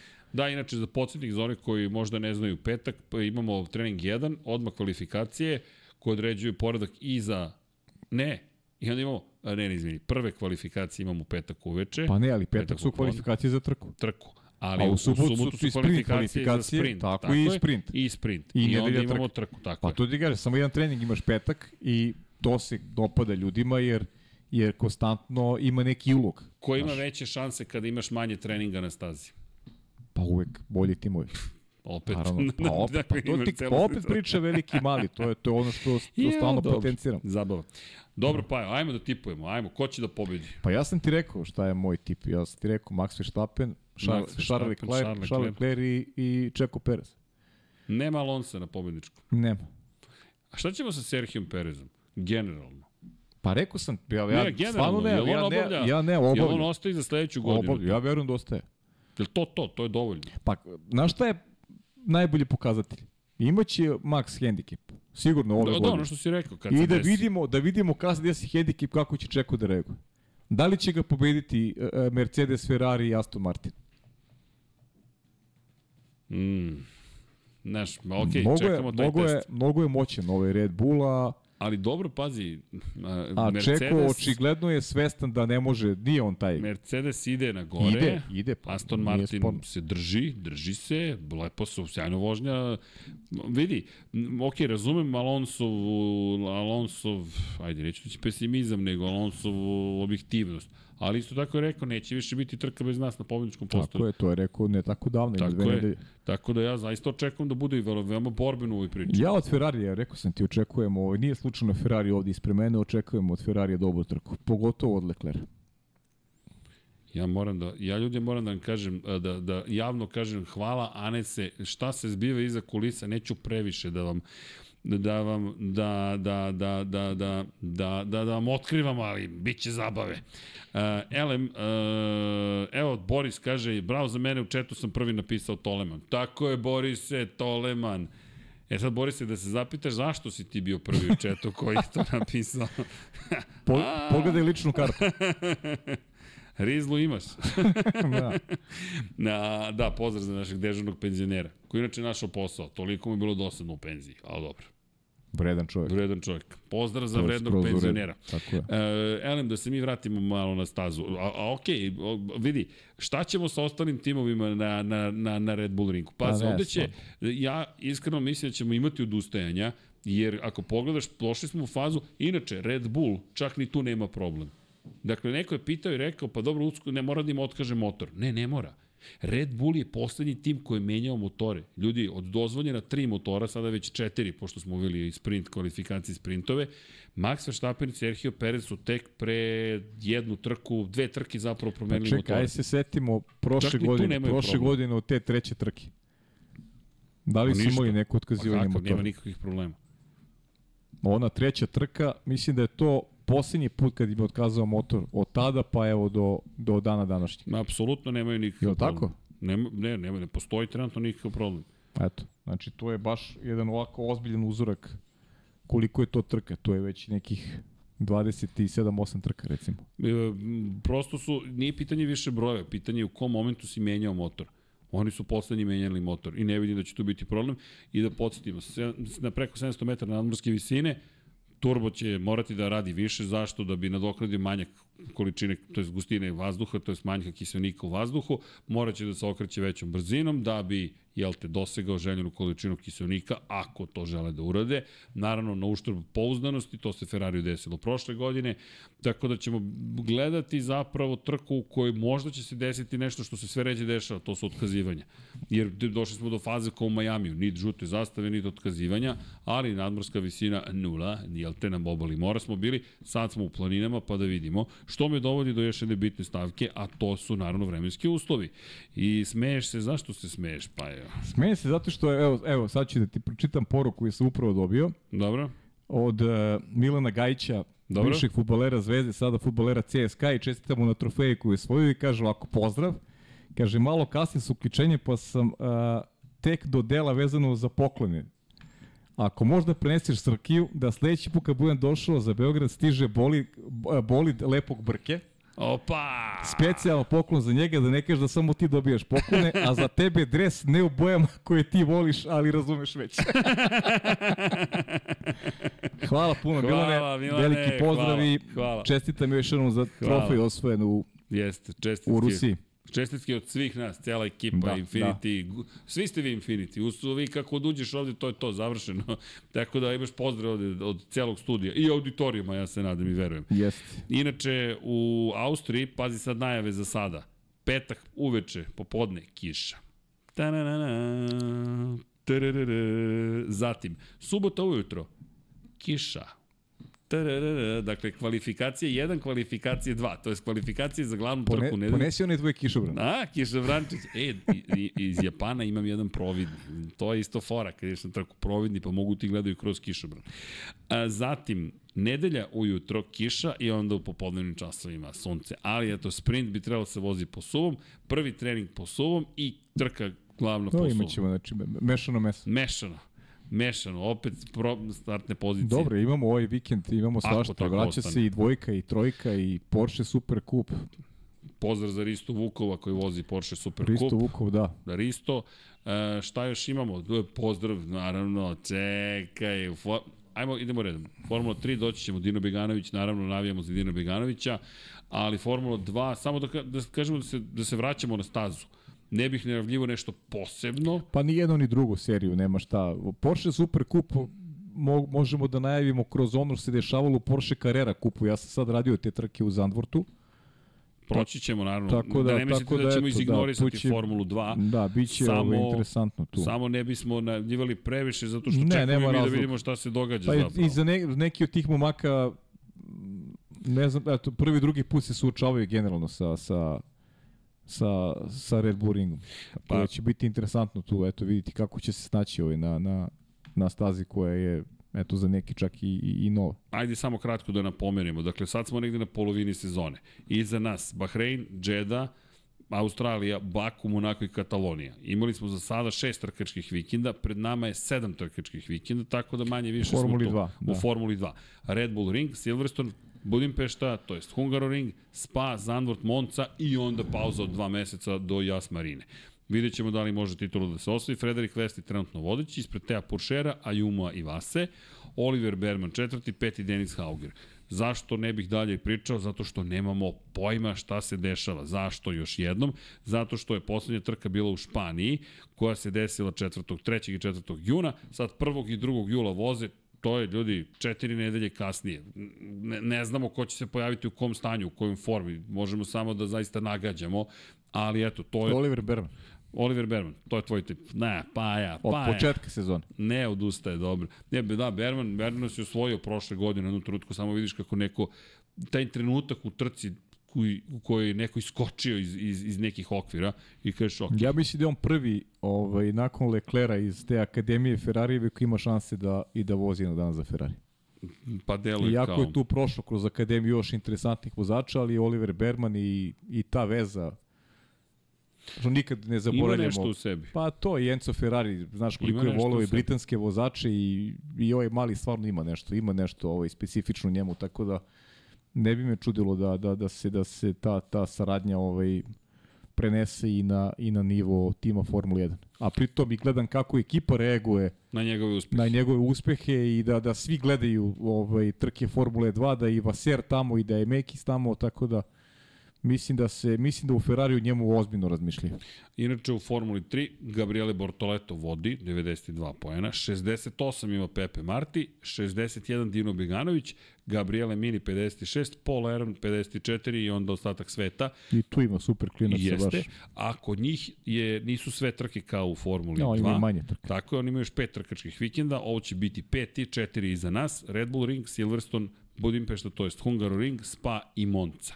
Tako da mi sada ulazimo u veliku završnicu sezone za njih. Bukvalno. Jul je mesec kada se možda rešava pitanje Pa šampiona. moguće će biti i rešeno, ali ne verujem kakva je dinamika sezone i koliko ti ima interesantnih vozača, tako da mislim da će ipak Monce biti mesto odluke. Vidim, nadam se svakako, ali činjenica je takođe da... I držimo, držimo da, Figi Din, Dinu. tako je, Dinu da. da, da bude dobar, jer to su sada, če, imali smo do sada, od 4. marta do 4. juna, Dakle, mi govorimo o rasponu od praktično 4 meseca, smo imali četiri trkačke vikenda. Sada ćemo u jednom mesecu imati četiri Pa trkačke da, to vikenda. je Imola, Imola je ovaj, je promenila stvari, Promenila svakako. stvari, jeste. Ali opet, hoću da ti kažem, intenzitet julski u Formuli 2, Formuli 3, ljudi, preporuka, nemoj da propustite ni jednu trku Formuli 2, Formuli 3. Zato da. što sad zaista može da se desi, pogotovo u Formuli 3, gde imamo samo jednu trku kasnije, početkom septembra u Monci, završnu Pa trku to je sezone, da For, se reši Formula pitanje 2, šampiona. Formula 3, to je kao MotoGP, ove dve prateće serije, dvojka i trojka, gde ti praktično možeš da vidiš Budućnost. budućnost, ko su ti momci koji mogu da, da, da zakorače najveću I, cenu. I pa još šta još, Formuli 3, ko se sada dokaže, nemojte se iznenaditi, to se redovno događa da nastupi dalje u Formuli 2. Pa ne, ne, ali već u, Tokom već, pa ne, već sezone. na kraju godine će mnogi, mnogi vozači iz Formule 3, posljednja trka da je Abu Dhabi, tako? Tako je, obično se pojave već- Abu Dhabiju. Pa ja sam siguran, Dino Beganović, Paul Aron, Gabriele Mini, mislim da su to momci koje, Pa Bortoleto i ta Bortoleto ekipa. naravno, to su već momci koji će, koji će se pojaviti u toj Marti. trci, to će im biti uvodna u ono što, što ih Nema ni očekuje potrebe sledeće da ostaju u Formuli 3. Bukvalno Pa ne, nema, nema naravno. smisla. Oni su se pojavili, debitanti su već su To ovladali. je ista priča kao što smo znali prošle godine, Zen Maloni, Oliver Berman, e, Isa Hadjar, to su vozači za koje se znalo da idu u Formulu 2 sledeće godine, bez obzira da li osvoje titul ili ne. Jedva čekam. Ja moram ti priznam, čekam Dina u Formuli 2. Zaista, to je taj veliki Jeste. test. To je ti zaista test.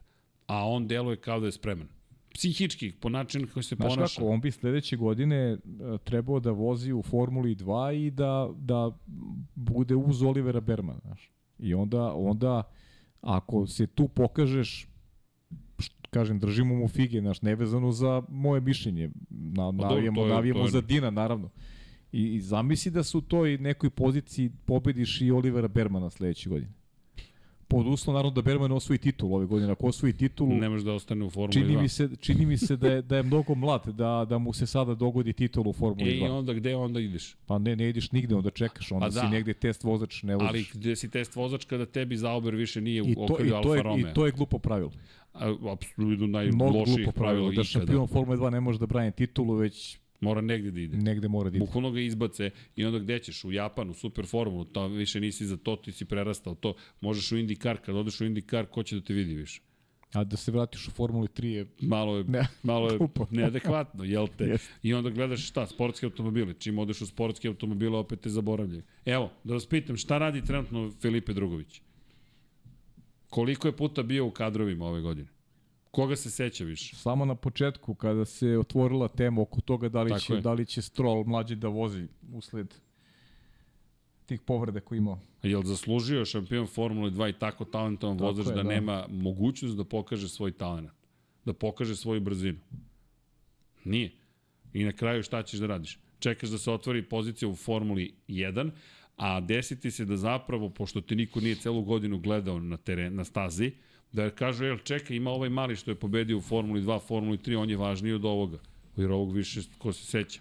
Formula E ili DTM, to je to. To ti je to. A to je pitanje da li ćeš ikad više videti Formulu 1 bez adekvatne podrške. A njegov razvojni put nije zavisio kao što je kod Aleksa Albona. Inače, lepo je bilo vidjeti Kristijana Hornera kako se oduševio trkom Aleksa Albona u Kanadi, gde je rekao više sam gledao njegovu trku nego našu. Što ima i smisla, pošto nije imao šta da gleda kod sebe. Samo da čačeka kraj trke, ali kod Albona potpuno oduševljenje. Ali Red Bull je spasao karijeru Albonu, jer koliko god se sad govorilo da više nije deo programa, Alex Albon bez podrške Red Bulla ne bi video Mercedes, to je Williams. I kad pričamo ono što si na početku podcasta rekao za Ricarda, ovaj, Da. umesto Pereza, pa ja pre tu vidim Albona nego Ricarda, odmah ti kažem. Da. Ja, ja Ricarda više ne vidim u nekom ozbiljnom projektu. Showrun. Da, da, showrun. Showrun. Uh, u svakom slučaju, pravilo koje bi moralo da se ukine, neće se vjerojatno ukinuti, ali, ali, ali okej. Inače, samo da napomenu još jednu stvar, da, da, da vas ne ostaje bez informacija za razvoj trenutno tendera između Pirelli i Bridgestona.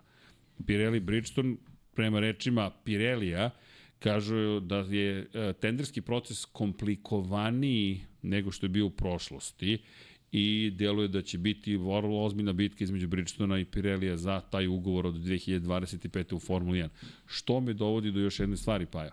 Ukoliko se promeni proizvođač guma, to je tek haos u Formuli 1.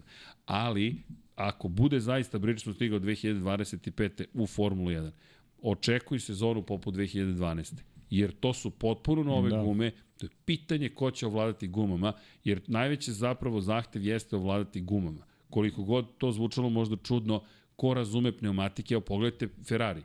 To nije to pitanje samo bolida, nego kako tvoj bolid funkcioniše sa pneumaticima, tu ako ne nađeš rešenje s Bridgestoneom, ko zna šta će se desiti, ti dolaziš u jednu potpuno novu situaciju. Tako da, ukoliko Bridgestone dobije taj tender, a mislim da će dobiti, znaš zašto?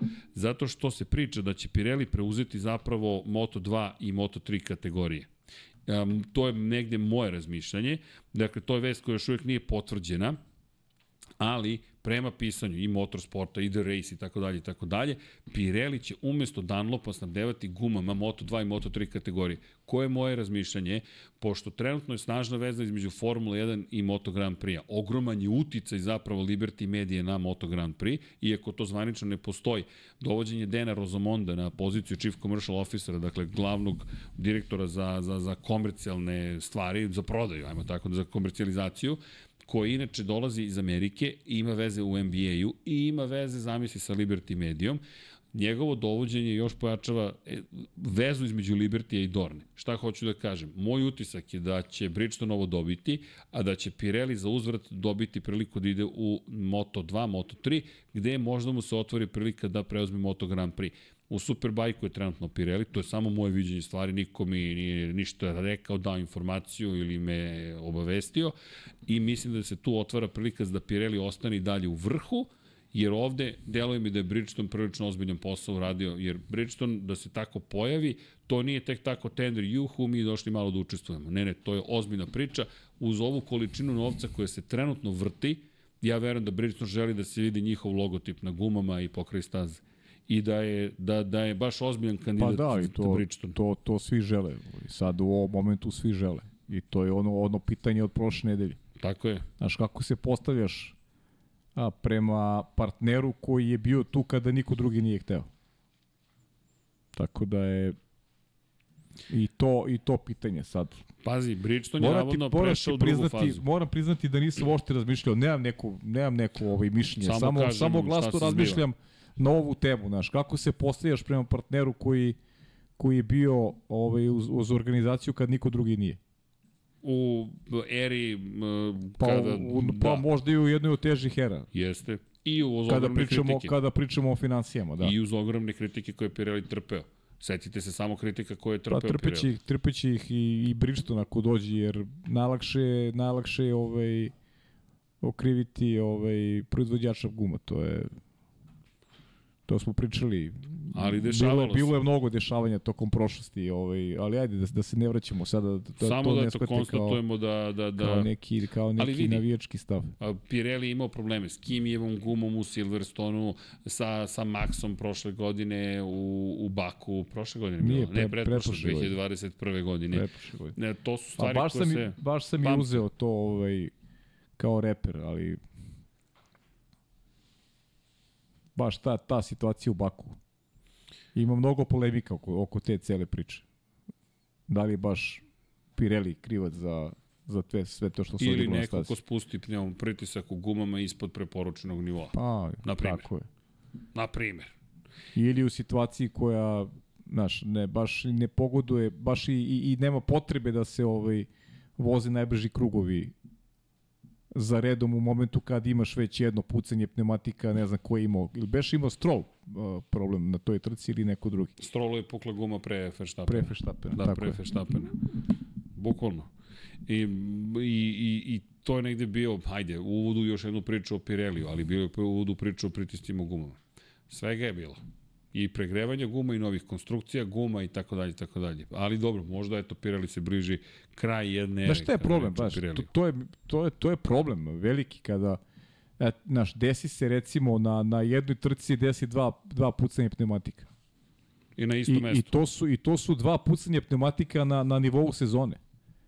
I sad ti pričaš o Pireliju kao kao nekome ko je dežurni krivac za za naš Pa, a, takve da, stvari, to ti je, seti se gume Hamiltonove 2020. kada sa tri gume prolazi kroz liniju cilja u Silverstonu. A imao i 2013. ono čuvano isto pucanje gume.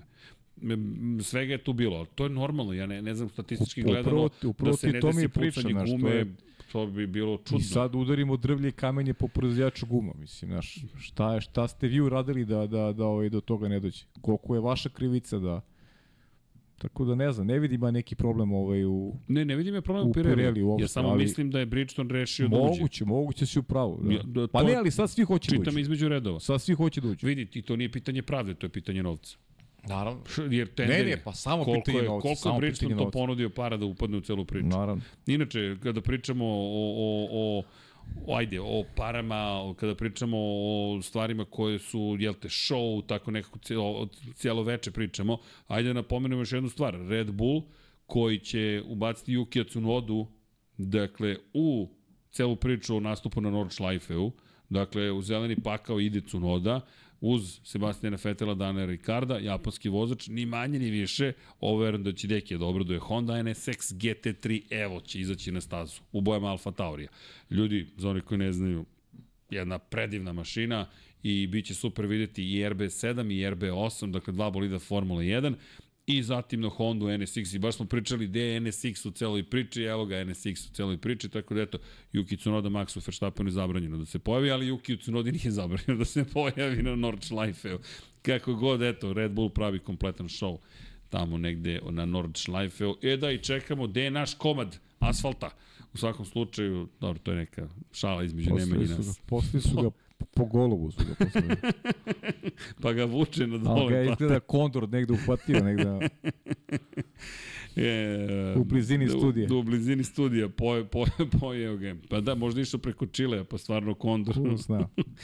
Da, evo, novi, od vesti sa, evo, nova knjiga u prodaju, Miksa kako uskače, evo ga, dakle, Grand Prix Guide od 1950. do 2022. godine, 7200 dinara košta, ponovit ću još jednom, zato što nije jel te, u sistemu PDV-a kao knjiga, nego kao magazin, jer nema ISBN, pa onda je 20% PDV-a, pa je zato skuplja, ali Biblija za sve one koji žele da vide svaku trku koja je ikada održana u istoriji Formule 1, shop.infinitylighthouse.com. Inače, da, podržavate i nas, ali verujte ovde čak, ja mislim da nemamo profit nikakav, nego je pojenta bila da nastavimo. E, ovde imamo profit, ogroman, neviđeni, dakle, 2100 dinara. Čekaj, koji dalje drži cenu? Koji dalje drži cenu i ne odustajemo od toga? Zato što šta, nemam pojma, ali prosto smo u fazonu za što bismo povećavali cene. Svugde inflacija osim u Infinity Lighthouse-u. I novi Dux, Japan, Nippon, 4076 dinara. Rapu 76. Ponosni smo, a imate i ove klasične. O, e, ubacili su se u komercijalizaciju Miksa i Vlada. Vidi ih, 3576, Lab 76 Duxevi. To je ako Samo- imate samo klimu broje pare. upaljenu i želite da vam ne bude ladno, onda kao Vanja i Paja A se nije, obučete. nije nego ako ne ponesete majici i onda, onda nosite duks koji mi ovde, to je to. Pa I gde ti radna i uniforma? A ovo vam je i najnovija knjiga za Moto Grand Prix, ali okej, Mik se je rešio da budem u top shopu definitivno, 4076 dinara. Ubrzavate, miksete ubrzava. Br- Misliš da hoće da okonča stvari? No, ubrzavate. Čita paja između redova. Vidi, ja znam s kim radim. Dakle. Pa ja znam s kim radim.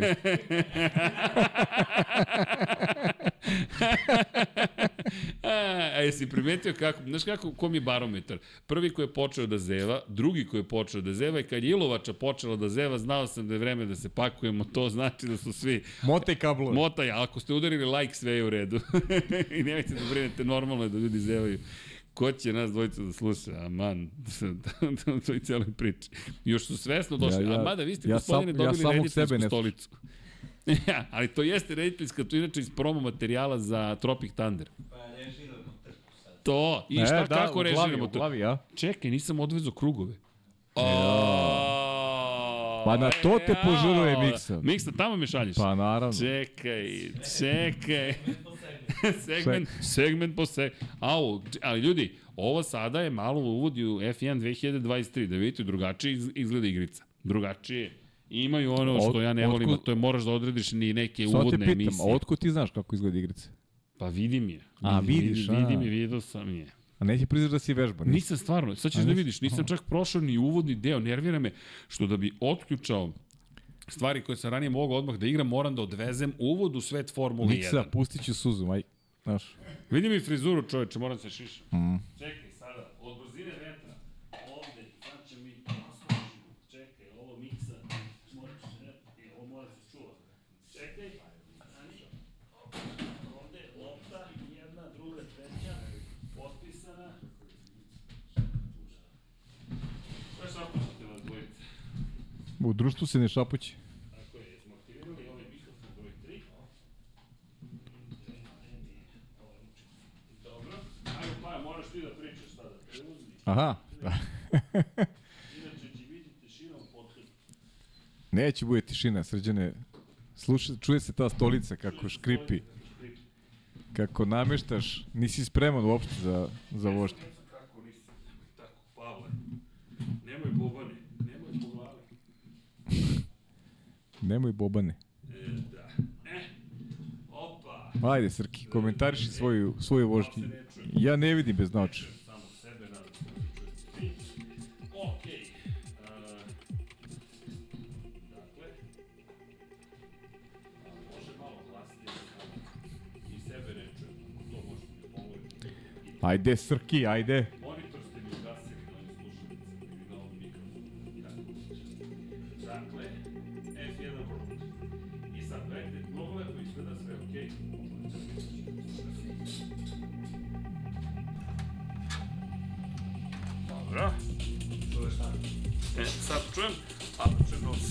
Sebe, i dalje ne čujem, ali nema veze. A, play. Dakle, ne idemo u garažu. I kaže, e, sad se čujem. E, bravo. Kaže solo i multiplayer. Ne mogu da igram zato što moram complete the welcome to F1 World Series. Kliknem na Series i srećom, srećom, lepo su ovo izveli.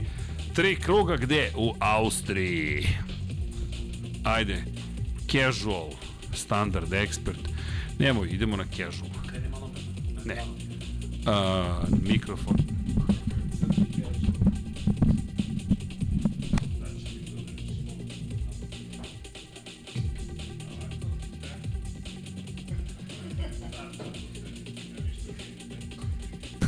E, jesam sad okej. E, dobro, ekspert. Izvinjam se. Izvinite. Assist, to ćemo sve da pogledamo. Driving proficiency, custom, steri, e, ne, elite. Tako je. E, sad može se vozi. Dobro, start event, go. Izvinite što sam ubio sistem, ali kabel se ovde bio malo zategao. Tun, tun, tun, tun, tun, tun, tun, tun. Ajmo, starting grid. Može malo i glasnije ovaj, zvuk sa Atema. Vidi, ja sam prvi. Ko su ovi ljudi? Ja ovo vozim protiv nekog stvarno. Ok, ovo će da bude zanimljivo. Okay, here we go. I know what you can do. Don't let... I know what I can do. Trust me.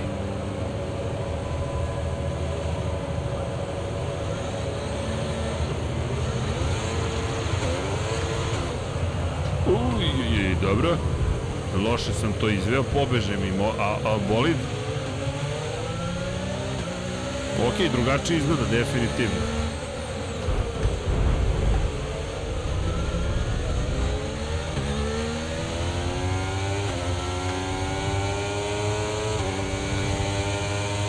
Dobro, nije baš najbolji start bio.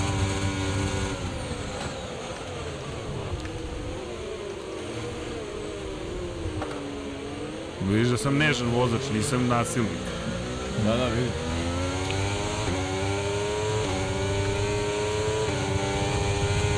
Ajmo, zavetrinu da jurimo.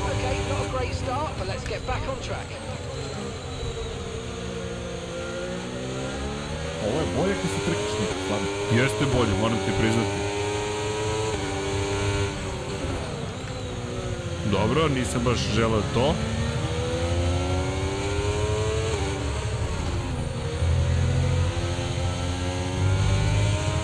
Pazi, ovo je prvi put da vozim. Samo se razumemo. I nisam tako loš.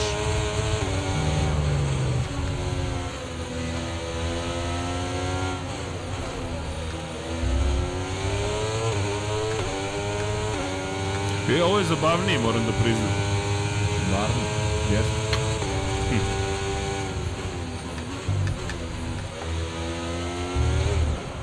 A, ne.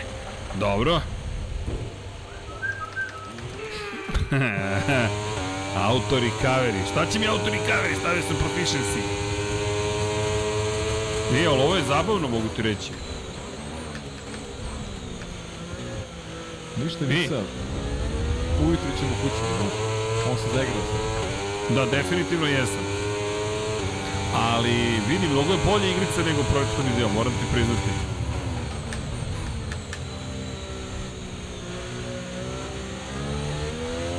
Nekako bolje osjećaš boli. Hm, ovo je zanimljivo.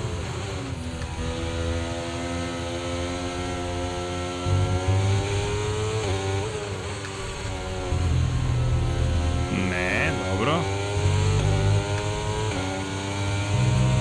E, mogu vam reći da je ovo super zabavno. Gledaj da voziš po stazi, molim.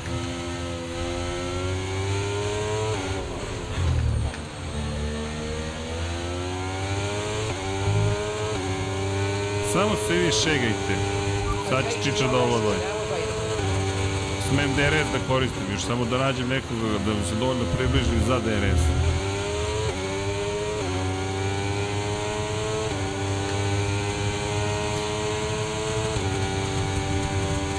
Samo se vi šalite. Ko je dobacivo za stolom? Ko je?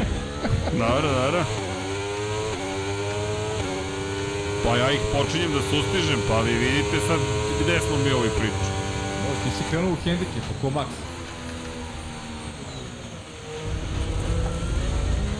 Greška ovde, ali dobro.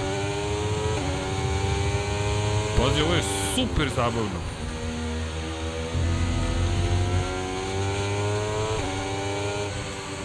Da. Psihik zaspao, koliko je zabavno.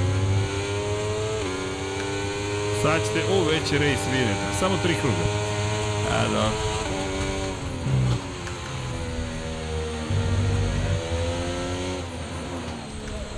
Kako? Nisam te čuo, Miksiće. Dajme mi drugu šansu. To, prijatelji. Okej. E, ljudi, ovo je super. I smashed it. A? Finish the race. Opa, idemo. Šta, nisam ja driver of the day. Ovo je potpuno neprihvatljivo. Sad, sad ćemo to. Ma. Sad, podijum pas. Podijum pas. Opa, skupio su neki poenčići. Dobro. Šta sam sad izabrao? Dobro. Ne, vajde, zajde idemo gde smo. Šta smo? Ja sad moram da pobedim. Tum, tum, tum, tum, tum, tum. Nice one. You just earned an upgrade. Upgrades. O, zaradio sam upgrade, dobro. E, čekaj, stage 2. Tri kruga, finish the race. To sam uradio. Start event. Nemam pojma šta radim, ali ajmo. Ga, vozimo odmah Silverstone. Idemo. Ajde. Znači, odmah, oštro. Gdje ćeš na Silverstone sad? Oho, evo poslovne na Silverstone. Ajde, samo tri kruga Silverstona i da probamo, a? Ajmo, ajmo, ljudi. Znam gde sam pogrešio.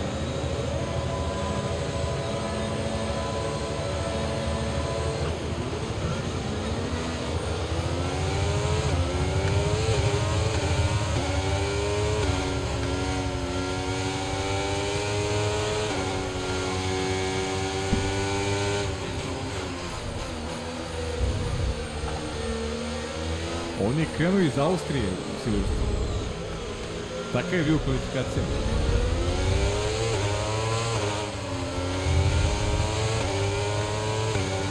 Ali nametnuo se ovde jedan McLaren. Srki, stiži ga Srki. Ajde, oštro. O, zakačio me. Gurnuli me. Jao, mangupi. Šta ima autor recovery da mi daje? Ma kakav bad start, čoveče, gurnuli me. Ali to je u redu, to je deo trkanja.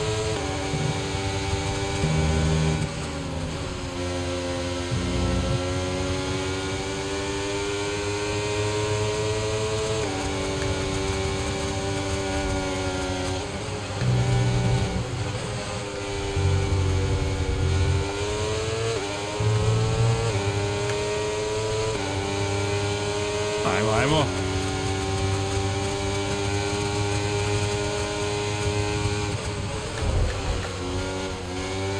Tako je na počinju oštro.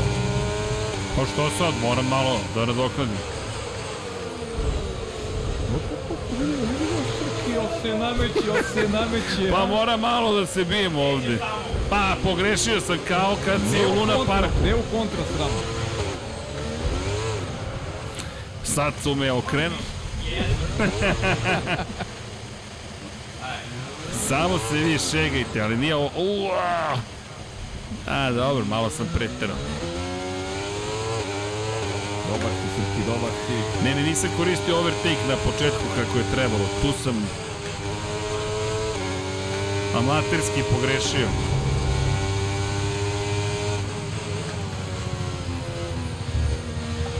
Dobro, malo sam preterao.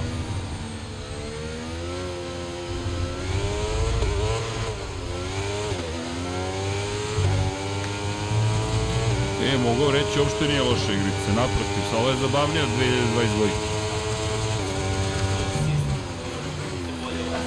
Zato, aha. Čekaj, jesam stvarno upalio full assist? Čekaj, nije, valjda nije.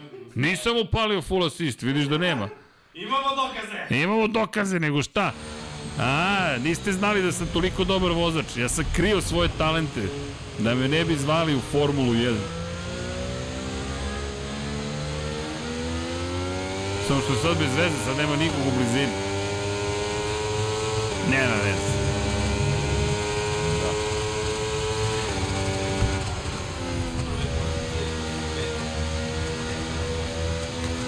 E, to su insinuacije.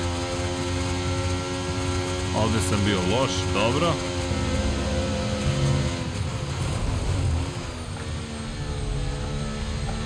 Dobro da sam pokušao baš agresivan prolaz. E, dobro. Hoćete... Ma ne, ne, ne, nema, inače ću da zaglavim celu noć ovde. Aj što ću ja, nego što ćete vi.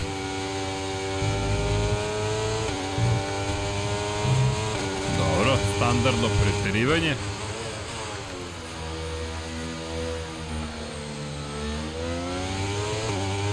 E, kasnim sa gasom, dobro.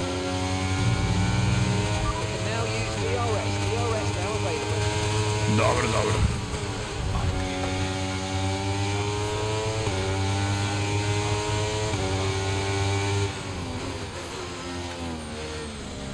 Dobro, dobro. Veljko Petrović.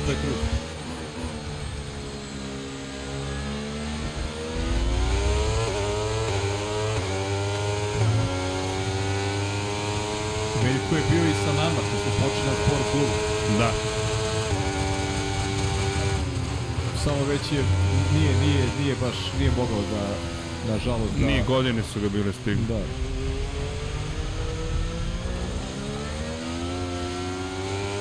To čak, čak toliko ni godine koliko on ima kao neki zdravstvene probleme s kojima. Da. Ali je zato pisao, radio je pripremu, Jeste, pisao, jeste. Veljko je... Veljko je legenda.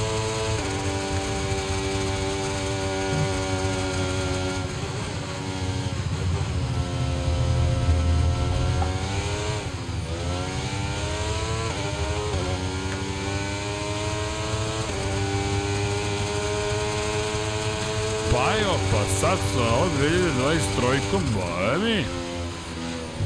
Srđane, znam da ćeš uvijek doći ovdje. Da. Da. Kratko i jasno. Da, da, ovo je Perez izveo prošle godine, dobro. Pa sviđa mi se kako se porediš kako se pere. A, vidi, pa s kim ću, a vidi, ovo za malo da bacim zadnji kraj skroz kako treba. Da izvedem Pikea u Mađarskoj. Kakav auto recovery, čemu to služi? Da. A mora da budem deseti. O. Dobro, to ćemo sledeći put. Iceman 1, 2, 3, 7, Igor B. Dobro, Icemane. Kogod da si, pobedio si me. Ok, jao, mislim da imamo novu igračku. U svakom smislu te reči.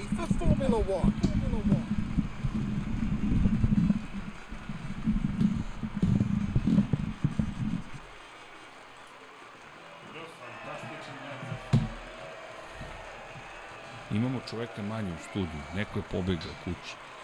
Ju, toliko sam dobro volio. Pobegao je, toliko, je, toliko sam bio brz da je rekao, ja ovo ne mogu da gledam. Uspavala ga brzina. Uspavala ga brzina. Otkrila ga brzina. Dobro? Da, bravo, Srđane, evo, aplauz na crvenoj sceni, A, bravo. reci, ej, nisam bio loš za nekoga ko... A, Ne, a, za početnika, to ti za neko ga- koji je ovo, ko, koji je ovo tek 17. put vozio super si bio. Svaka čast. Ali ovo je stvarno prva vožnja, mogu ti reći, baš uzbudljivo bilo. Baš je dobar nekako, da imaš, si, da. imaš osjećaj s bolidom. Ništa, ostavit ćemo te mi ovde da vežbaš. Kako, kako? Ostavit ćete me. Mm. Dobro. A, čekaj da vidim gde smo, šta smo. A, o, računar mi se potpuno šlogirao među vremenu. Vjerojatno je gledao kako vozim i rekao ne mogu ovo. Ne mogu da podnesem. Evo nas. A, e, čekaj, nekog nismo, nešto nismo pročitali, nešto nisam pročitao ovde. Raspriča smo se ti i ja. Pa dobro. A, evo, čekam da oživim. Nadam se da je korisno. Pa neko je nešto donirao je 236 dinara, samo što ja to nisam ispratio u datom trenutku, pa da, da ispoštujemo. E, Nedžad Mrakić, u, postao član. To, Nedžade, hvala, hvala. Još jedan, ko, jo, bliži smo našem cilju da kupimo tim Formula 1. E,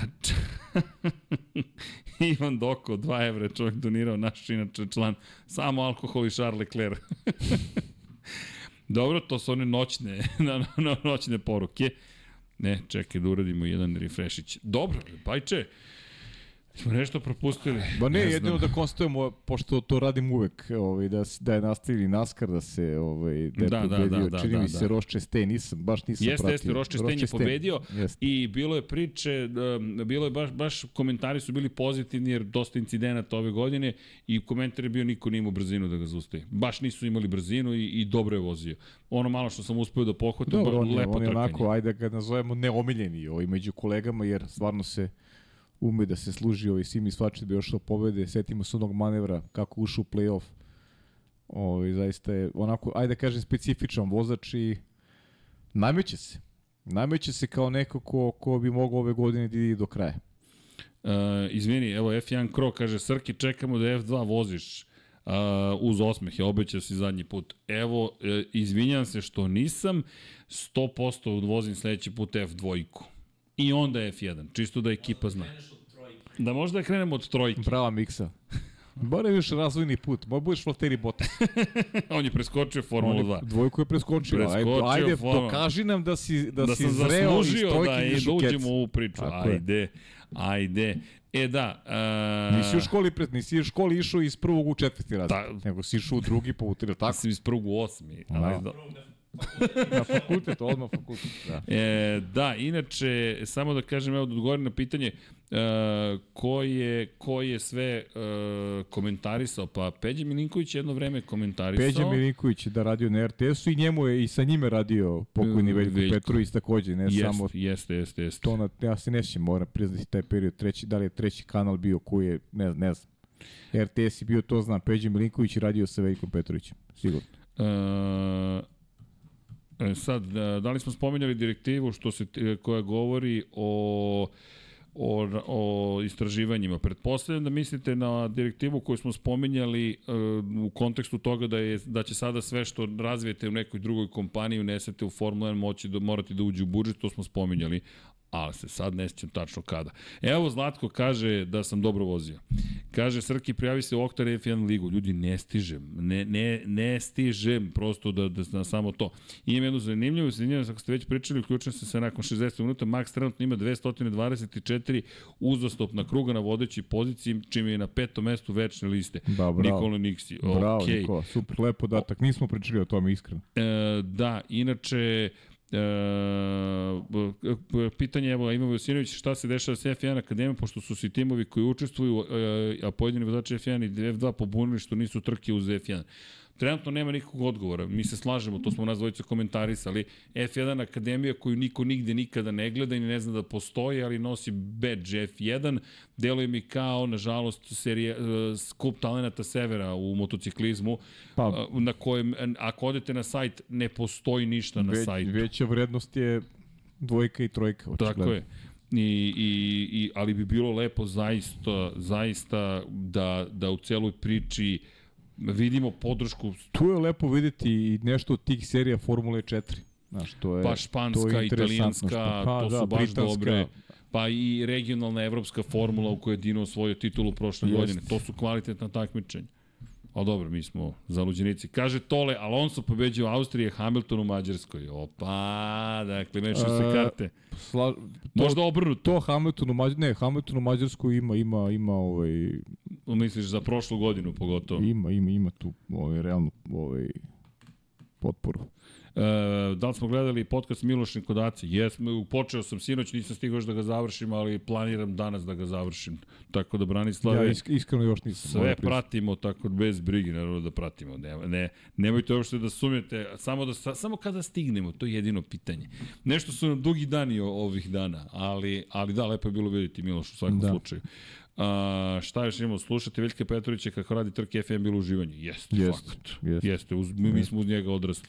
Zaista. Najve, I- i najveće inspirisani. uživanje. Tako je. E, Nikola Niksi, naš pesnik, dežurni vidi- e, vidite e, da ukinu 8 setova mekih, 3 srednjih i 2 i da biraju ekipe po svom nahođenju. Pa ne znam zaista e, da li će se to desiti. E, s obzirom na činjenicu da je to nešto što je postojalo kao pravilo za one koji ne znaju pre covid timovi su sami mogli da odrede koliko žele setova mekih, tvrdih, srednje tvrdih i eto, zaboravio sam već na to, ali ono što je tu bilo dobro jeste upravo to da na neki način možeš sebi da pomogneš da ono što je tvoja snaga nekako dođe više do izražaja. Mi trenutno imamo i tu standardizaciju kao da je kup takmičenje. Imate 13 setova guma i nemate pravo da odredite koliko ćete čega. Možda bi nekom timu više prijalo, čitaj Ferrariju, da ima drugačiji raspored guma, ali nažalost to je to je to je nešto što ne vidim da će se promeniti nažalost. Zaista. E, poruči Paji, Oli, Oli i Berman je počeo da se druži sa koleginicom iz Preme, tako da možemo očekivati pad u formi, ipak su to Uh, jel te, ljub, ipak je to ljubav, a oni su u kritičnim godinama. Pa možda bude još brži. Da je samo Oli Berman taj koji se druži sa A nekim? slušaj ga, SS, to je inače, ja mislim, naš patron. Crki treba mi neko košenje dvorišta, pa ako možeš da završiš nešto. Ali moram da dovezem bolid. Onda šišam travu bez brige.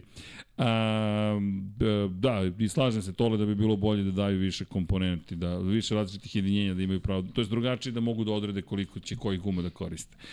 Ali da. Kako, kako? A oni imaju priče, oni imaju podcast njih Imaju dvojica. podcast njih dvojice. Pa Da, da, da. da, stavimo mikrofon, pre čemu se sve čuje zapravo. Zove se iza iz- kulisa. iza kulisa. Ne, ne, ne, zove se tamna strana studija na kraju univerzuma. Ili ti se zove, ili ti... Tako je, ali ne, imamo mi podcast, samo još ne znate da ćemo da radimo posle ponoći. Zove se pod čašicom.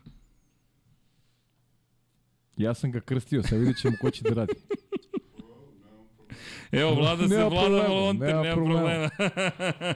To ti kažem, našli smo tamnu stranu studija, to vlado the dark side of the moon. Mik said the light side. A, bilo bi super kad bi došao lep kod Crke pa je takođe, bilo bi super, nadamo se da hoće. Možete li da napravite specijal o ranim godinama F1, teme o Fanđu, Askariju? Može, Mo, e, može. Peđa pita za trkačke paketiće. Može Čekamo boje. Srki je baš tu neka generacija, pa može da priča iz prve Hvala ti. To Askari Fanđe. Hvala ti. Ja sam ipak mlad momak, ja mo- mogu da slušam. Tako je, tako je. Šajns, napravit ćemo nešto. No, hoćemo. Pa, Hoćemo, kao ono što sam rekao malo pre za, za, za te male timove. Mislim da zaslužuju malo više ovaj pažnje. Manje, manje pričamo o njima, pogotovo te, te stare ekipe, evo, Srki je danas lepo dao neki, neki šlagvort kako su i ovi, i ovi veliki nastali ovaj, pretiča su nekih ovaj, ekipa koje su i zaboravljene, a ostavili su ozbiljnog traga u Formuli 1. Ne izvini da ovde Sena nam se javio, Čika Duša. Čikadule, Čika Dule, opet ono pošalji pločica. ga na spavanje. Ko čemu ono pločicama iz Maranela. Kasno je. Ne vreti. Znam, Jelena se javila, rekla je hvala na proziciji. Jelena se javila, znači, oni se familijarno prepucavaju preko nas. Da, da, da. da. da. ja, nema veze. Dobro, nema veze. Ne. Ej, ljudi, ne zaboravite apel, poziv. U komentarima spojite se ko ide na Red Bull Ring, Hungaro Ring, gde god idete, zaista povežite se, pošto to je jedna od onih lepših stvari koje možete da uradite, da upoznate neku pozitivnu ekipu, da sebi ulepšate putovanje, olakšate šta god daje i da, da, da i nama javite kako mi je bilo, podelite sa, sa, sa ostatkom ekipe iskustvo, u krajnjem slučaju neko je putovao, neka se takođe javi u komentarima da pomogne da li oko savjeta za parking, da li oko javnog prevoza, da li oko generalnog transporta ili nečeg četvrtog, trećeg, petog, kako god, prosto bud, nađite se tu jedni U krajnjem drugima. slučaju mogu se organizuju zajedno i da putuju, Tako šta je. znam, šta god, ono, to je svima na, svima na, na volji na da, izbor. A, kaže e, Kerim Oberbegović, momci kako ste pitanje kojem je glavni izvor informacije u svemu vezano za F1, Reddit, Twitter, Kerim je sve, apsolutno sve, a, što se tiče Twittera, ukoliko ga već koristite, ponekad podelimo ovo, ali čisto da vam pokažem, e, znaš šta ću da im uradim? Kad im dođem na jedan na jedan, ali ti da mi asistiraš u realizaciji. Ne da, se, I onda ne da kada- sedimo zajedno. Da sedimo zajedno. A budemo ko i- Mapetovci, pa, kao dobacujemo. Mapetovci, Pa dvojica, da. ali ću da nam uključim mikrofon, da se čujemo u emisiji i onda časkanje. Ali, ali, ali, a, moram da podelim listu koja se zove F1 lista. Lista je otvorena. Ovo su svi ljudi koje pratimo Paja i ja, a koje ikakve veze imaju sa Formulom 1. Šarenoli koje po neki ljudi rade i druge stvari. Evo ga. A, to vam je lista koja je na mom nalogu, pošto Paja nema svoj nalog na Twitteru i nema nameru da ga otvara, Ne. dovoljan je moj, tako da je zakačena vam je poruka i tu možete da zapratite sve ukoliko želite da Pa dobro, ima i tu još nekih specijalizovanih autosport, recimo, koji onako jako, jako dobar. da, Baš Da. dobar. Tako da, da, da znate čisto e, to je način na koji mi o, pratimo prosto to je ono što mi radimo zapravo u celoj priči na Twitteru, ali pratimo sve. I ne samo što pratimo, nego nam vi takođe pišete bez vas, verujte, pola stvari ne bismo znali, dobijamo baš Jeste, puno poruka, jeste. hvala vam na tome, svi koji su ovde u studiju, dakle, ili koji trenutno nisu u Osim studiju. ove dvojice šarlatana. Ovaj, ovde, Dobro, on- postoji on- njih, ne. oni, oni su, oni, ne, ne znam, ne, ne, nemam komentar, ali, ali, ali, um, da, samo da napomenem sledeću stvar, a to je da, evo imamo jedno pitanje, dakle, pitanje je bilo zapravo u koji tim se pretvorio Senin Lotus. Pa Senin Lotus je prestao da postoji. Dakle, Senin Lotus je 1994. godine na velikoj nagradi Australije vozio svoju poslednju trku. Oživjeli su naziv Lotusa 2010. Da, i jeste, 11. jeste. ali to je bio neki novi tim koji je prerastao posle u Caterham, a Caterham je nažalost od- prestao da postoji, međutim taj Lotus za koji je vozio Colina Chapmana, za koji je vozio Sena, je 94. vozio svoju poslednju trku. Niko nije kupio licencu, niko nije uskočio da spašava ekipu i deo istorije se tu završio. E, obećan je Igor Marković kao gost. Reci pa i da čita poruke Jovan Ćalić. Eto, odmah, nema problema. Igora Markovića nisam čuo od kad se vratio iz Da. Budimpešte, ali zvaću ga. E, da. Koliko sutra.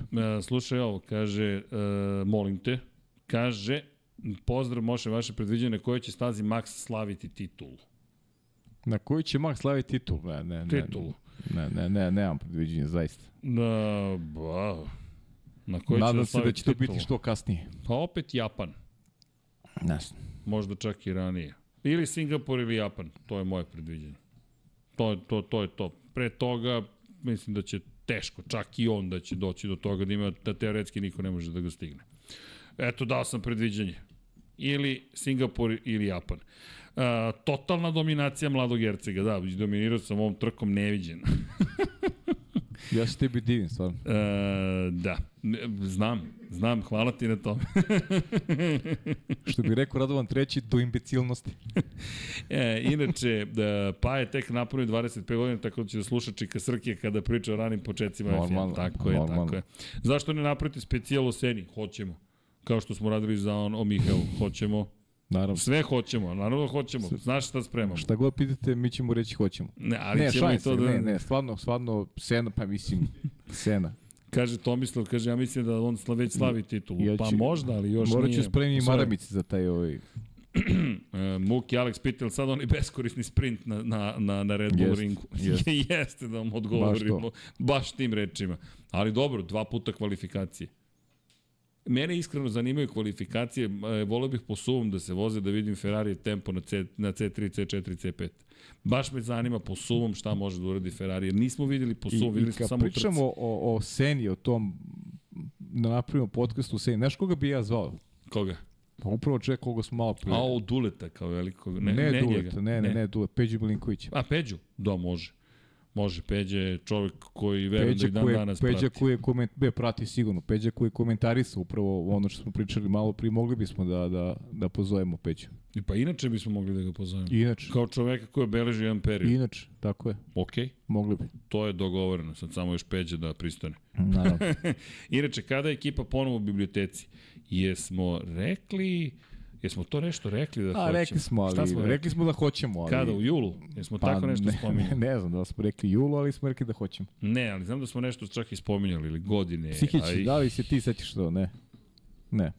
Ne znam šta smo rekli. Uh, evo pitanje na koji mail mogu da te kontaktiram uh, na lab76 at infinitylighthouse.com lap76 uh, pa at evo ovako ću da napišem samo tu pišite i st- stiže, nemojte ništa brinite. Prvo će da rekordni podcast broj 76, pa će sa podcastom o Seni da obori sobstveni rekord. E, kaže Srki, koliko u prosjeku spavaš s obzirom na obaveze? E, malo, premalo. Zavisi, trenutno oko 4-5 sati. To možda bude i dovoljno. Može biti. U tvom može slučaju izgleda da je dovoljno. Mo- Može biti. Pa dobro, sad volao bih malo ipak da spavam. Moram ti priznati već malo. Malo se skupilo. Dobro, znači to znači da treba da krenemo. Aha, okej, okay. Svat, nisam shvatio to deo priče. Ti znaš da to ignorišem uspešno. Kaže, da li Sainz radi dobar odabir da preko medija Da. e, sili Ferrari da do kraja sezona odluči da produži ugovor više da, 2024. ne mislim da radi dobar odapir. Muhamed Hajdari. A za koga? Slažemo se, Muhamed, za sebe. M- Misliš da ne radi ili da radi? Da ne radi. Zašto? Da Misliš sad, da, da mu je to loše? mislim da jeste. Ja mislim da on baš zna šta treba da uradi s Ferrari. Misliš? To, ja mislim da da nije Ferrari, Da, rekao neko, bih... da ti pritiskaš Ferrari, da, da ti reši status što pre. Da, Nisi sigurno da je to dobro. uf, ajde. Ovo baš me zanima. A, Srki, koga si zarazio zadnjeg poznatog sa Moto Grand Prix? A, e, s koga sam poslednjeg zarazio s Moto Grand Prix? Au, pa ne znam poslednje koga sam zarazio sa Moto, mi sve to, to, to je neka... Ali znate ko je, ko, s kim smo se družili u Valenciji? Sa Vanjom Marinkovićem koji je sinoć bio kod Luke i Kuzme. Mhm. Eto, To to da, mogu da- Vanja, Vanja igra tamo, tako da. Vanja igra da u Valenciji, ali eto, ne, ne znam kako sad, ne, ne znam, n- nije, nije mi niko Ne, zvao, pa rekao da li igra u Valenciji? A, ne. Ne. Nije u Valenciji. U Valenciji ili je... Ne, on je u, u Baskoniji, vajde, tako? Da, da, ali, Baskoniji, da. Baskoniji. Hvala, Miksa. ali smo se družili u... u... Jel bio sinoć čovjek? Jeste, nisam poludio. Jeste, jeste. Dobro. Bio je, bio je u Da, da, da, da. okej, okej. A, Da. Kad je bilo to? 2019. godine. E, pa tad je A bio, jeste tad je bio u bio Valenciji, tad je bio u jeste, bio. Ne, ne, neko sad nije, tad je bio u Valenciji, nego sad, sad nije u sam Valenciji. izbunili da, sad skroz. Da, ne, 2019. godine smo bili u Valenciji na kraju sezone i juče je pričao Luki Kuzmi, kaže, ne možeš to da shvatiš. Kaže, kad ti prođe, kad, izađeš na stazu i kad te duhu dohvati to, kaže, to ne možeš da shvatiš. Ne, ne porediš sa košarkom, ne porediš sa drugim sportovima, to nije, to nije Pa stvar dobro, poređenja. ma naravno. Nego je samo nešto što te jednostavno pogodite na nekom emotivnom nivou i kažeš, Adrenalin, čisto Wow. adrenalin. Bukvalno, tako da, da, da, da, da, da, juče je bilo, i, tako da eto, mo, mo, ne, bih, ne, ne bih baš rekao da, da sam njega zaraz, ne znam iskreno, a mnogo mi je bilo lepo, mnogo je lepo videti, na primjer, Gudura kad je bio kod nas i u kabini i kad nam je svratio, to su neki lepi momenti ljudi za koje nikad ne bi pom, ne da pomislim, ne, ne, ne, ne bih pomislio zato što je neko košarkaš ili ne, nego, znaš, ne spajaš poruke, nisi nikad čuo da neko nešto prati, onda jedno saznaš da ne da prati, nego svaku trku prati, ide se na trke, pa to je opšta zabava. I onda i to je bilo u Silverstonu 2019. Gudura je baš sedeo pored mene i ja ga pitam, hoćeš da komentarišeš kad je padala kiša? Da- Seća se, da, I da, on da. kao, ne, ne, ne, ne, ne, neću ništa komentarišem, pusti, ja ću da sedim ovdje da gledam trku otprilike u komentatorskom kabini, to je bilo mnogo simpatično. I divan čovek. I pozdrav za Jeste Marka. super momak, da. Baš pozdrav je veliki, prva da. liga. Prva liga. Šta sam teo, da, pa, u avgustu smo rekli da će da bude ljubilarni, ljubilarni podcast. U avgustu, jesmo Pa to da, rekli. pa da. Da. da. Avgust mesec još Da, da, ta, je ta, pauza. ta, pauza, nema trka, tako da i to i stvarno jeste najrealnije. Pa jest. Mada ti ćeš imati ovaj MotoGP, A kakve veze ima. da, ali možemo, avgust. Inače, Ivan, šta se dešava sa podcastom Tokio i Mixi i pričom o balkanskom automobilizmu? Realizovaće se samo još, znate šta, svi su u tolikim obavezama, pa je Mixa bio u, u, nije bio u Hong Kongu, bio u Singapuru, pa se vratio, pa onda neka promjena planova i tako dalje, tako dalje. Ali, ali ne, bez brigi. Samo nas je malo, malkice malo, pa onda ne možemo baš da stignemo sve brzinom koju smo želeli. Uh, samo je to stvar. Ali ćemo sve da uradimo što smo isplanirali, obećali, kako god. To, Da, to, to, biće- to, to, u to nemojte da Biće brinete. stvari koje, kojima ne pričamo. Tako je, da potom. tako je. O tom potom da završimo neke stvari, pa, pa, pa onda ćemo da vam pričamo šta smo sve radili. Šta radimo trenutno. Neke stvari čak ni Srki ovaj neće da podeli. Da, čak ni ja, pa vi vidite. U stvari nećemo da mu damo da ih podeli. E, to su, o- ali ozbiljne pretnje. A ja bi to sad progovorio, verujte, ja bi vam sad ovako slao Morzevom azbukom sve informacije. Zašto? I ja mislim da za ovu Morzeovu azbuku treba da završimo Ja večerašnje slažem, druženje. ja se slažem. A 0-0-0-1 je, tako da mislim da smo uradili Tek je sve 12 što... sati. Tek je, u, nemoj, nemoj da me vodiš, nemoj da me vraćaš na, na prvi faks. I znaš šta, njih dvojica stvarno treba da dobiju mikrofon, ali, ali, ali, Da. ali, e, nešto se treba ih mučimo. E, možda ubaciš sa Instagrama. Imao je naš kolega Lončarević, ovaj sad skoro je radio neki, ne znam šta je komentari su, neki ragbi recimo. Da. Rekao je, u prenosu je rekao, kaže, nisam radio ragbi još od momenta kada je moj kolega Andrašević upisao prvi fakultet. E, to ti je to. to je to, to je Da. to. E, u tom duhu, Miksa, hvala ti, Vlado, hvala ti, doktorka, hvala vam. Evo je se promenilo doktorka, bolje, bolje je. Gospodine dragi, hvala vam. Hvala, za, hvala što ste izdržali do kraja. To Do je, kraja. To, to sam. Tu tu e, hvala, Paje, što nisi otišao. Dok sam vozio, sad, znaš, okrenem se i nema Ti nikog znaš da više ja, ja uvek izlazim poslednji. Tako je. Zna se koga si svetlo. A vama se zahvaljujemo na pažnji. Ljudi, naravno, mazite se i pazite se, ignorišite naše realizatore, našu režiju, produkciju kompletnu. Jednostavno, to je jače od njih. To je, oni, oni još nisu na fakultetu, pa vi vidite gde su. oni su još u srednjoj školi, ali to je sve okej. Okay. Osmo tri carevi. Osmo.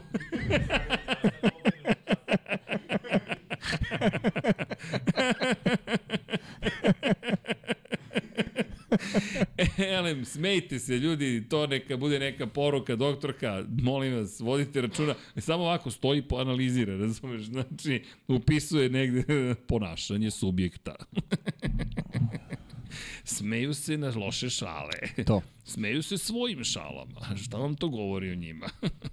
e, govori nam da smo mi jesili neki ljudi i mi vam želimo lepu, laku noć svakako. Naravno, kao i uvijek zahvalit ćemo se svim našim pokroviteljima, svima koji ste sa nama. Hvala još jednom. Ljudi, zaista mazite se i pazite se i budite dobri jedni prema drugima. Šta da vam kažem, ajmo da podržimo Jovanu, ajmo da podržimo Martina, to su one male stvari koje možemo da učinimo, da pozovemo da da da popružimo i finansijsku podršku, 200 dinara je poruka 1492 na 3030 i 1503 na 3030 koji je u Republici Srbiji. Ovo je mali Martin, mi ga zovemo od Milošte Martinator, ima jednu godinicu i prati sve trke, koliko može, da odrasta uz naše glasove, znam, nije mu lako, ali činjenice da se Dečkić bori za svoj život i mi vas molimo da mu pomognemo, da može da nas kritikuje kad poraste i 1503 na 30 30 ili Human 1503 na 455 u Švajcarskoj. Isto važi za Jovanu i molimo se eto za podršku, to je prijateljica Miksina, 1492 na 30 30, 200 dinara je poruka, PDV se ne naplaćuje, ko je van Republike Srbije ili ne želi da uplaćuje na ovaj način, dinarski devizni račun su prikazani, eto mi vas molimo, humanitarna fondacija Budi Human, najmanje što može da se učini. Nije ni bitno da li ćete njima, pomozite nekome. Dakle, pomozite komši, dakle, pomozite, pozovite nekog voljenog, uradite nešto lepo, budite dobri prema sebi, vodite račune o svom psihičkom zdravlju, to nismo dugo spominjali, a bilo je dosta ljudi koji je spomenulo i reklo da, da, da, da je to poruka koju vredi promovisati i, i zaista pritisci su ogromni, neuroza, nervoza, nema potrebe, tu smo svi zajedno, držimo se samo polako i, i mudro. I da, to su svakom je njegova muka najveća, neke stvari koje se susrećemo, pogotovo u modernom svetu, da je sve hiper, hiper, hiper, hiper, hiper, i pratite Formulu 1, naravno udrite like, ali kažem, mazite se pazite se sebe, isto mazite pazite i vodite računa jedni drugima. Hvala vam, mi vam šaljemo more ljubavi, jedno, jedno, jedno srce odavde, uj, skroz žuti mikrofon, žuto srce, čekaj ovako, da, da, da ga pogodim, opa, tang. u svakom slučaju, uh, udrite like, share, subscribe i sve ostalo, join, patreon.com kroz Infinity Lighthouse, shop.infinitylighthouse.com, ukoliko vam se dopada naša nova, du, naš realizacioni duet, a vi udrite dupli like, zato što njih dvojica to zaslužuju, DJ Vlada i DJ Miksa, u svakom slučaju, slučaju, pozdravljaju se Čika Paja i Čika Srđa, došli smo do Čika stadijuma, ali smo amatori. Čika Srđan i Paja? Či... ok, i Šegrt Paja. On je nov u Ne znam ovom zašto poslu. mene stavljaš u koš sa sobom, misli, ne znam, znaš. Zašto me čikaš bez misli, bez razloga. Dokon čovjek. Miksa kaži. Miksa. Reaguj. Kadar, e, čekaj, sad ne mogu da čitam ovde, moram da čitam ovde, ali čitaću kroz kameru. Ajde. Ako se kadar moj promeni kad se budemo vratili sa čitanja Patreona, koje traje oko 8 minuta, nemojte se zbuniti, to je mala magija da bih ja mogao da vidim naš monitor, popularni televizor. Hvala ljudi još jednom, bio je ovo izdanje 320 Lab 76, stiže trka u Austriji, sledeće nelje je analiziramo i pripremamo se za Silverstone, ali mali preview ste već dobili u ovoj briljantnoj trci u kojoj smo mogli u tri kruga Silverstone da vidimo šta tek dolazi. Zamislite kad dođe podcast da vozim cijelu trku, sve sa promenom, guma, dolive, a nema dolivanja goriva, ja. Miksa, udri Patreone da se zahvalim ljudima. Milan Milašević, Nebojša Živanović, Jugoslav Krasnić, Ivan Milatović, Andrej Bicok, Vladimir Filipović, Aleksa Jelić, Stefan Janković, Boris Golubar, Sava Dugi, Saša Ranisavljević, Milan Paunović, Branislav Marković, Marko Kostić, Zoran Cimeša, Milan, Mihovil Stamičar, Vladimir Mutić, Branislav Dević, Ognjen Grgur, Dimitrije Mišić, Crnogorski džedaj, Marko Ćurčić, Vladidov Dave, Martin Gašpar, Stefan Nedeljković, Đorđe Andrić, Nenad Ivić, Luka Martinović, Đole Bronkos, Dejan Avić, Sean Hing, Borislav Vukojević, Miloš Proćeta, Aleksandar Mitrović, Dragan Matić, Šmele, Nemanja Labović, Dušan Ristić, Miloš Panduka, Filip,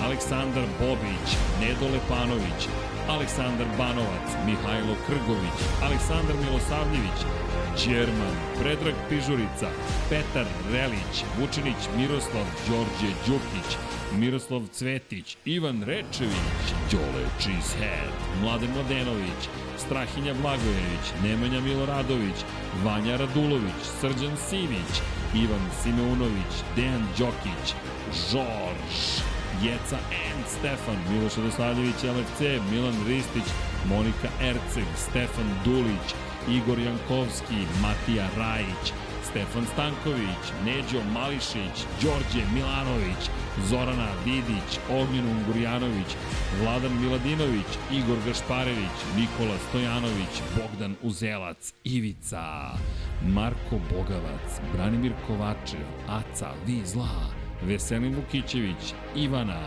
Predrag Simić, Mario Jelena Komšić, Denis Špoljarić, Borislav Jovanović, Luka, Andrija Todorović, Nikola Marinković, Zoltan Mezeji, Ivan Toškov, Žarko, Žarko Milić, Ante Primorac, Dorijan Kablar, Boris Gvozden, Vukašin Vučenović, klub štovatelja Ramona Mireza, Optimistik, Josh Allen Fan, Mladen Tešić, Nemanja, Nikola Grujičić, Vladimir Petković, Toni Ruščić, Aleksandar, Lazar Pejović, Armin Durgut, Branislav Milošević, Aleksandar Čučković, Boris Kujundžić, Marko Horg, Alen Vuletić, Nenad Simić, Milan Apro, Armin, Zoran Majdov, Salim Okanović, Benjo KK, Dejan Vujović, Antonio Novak, Lazar Hristov, Stefan Milošević, Stefan Prijović, Stefan Vuletić, Stefan Ličina, Aleksandar Antonović, Aleksa Vučaj,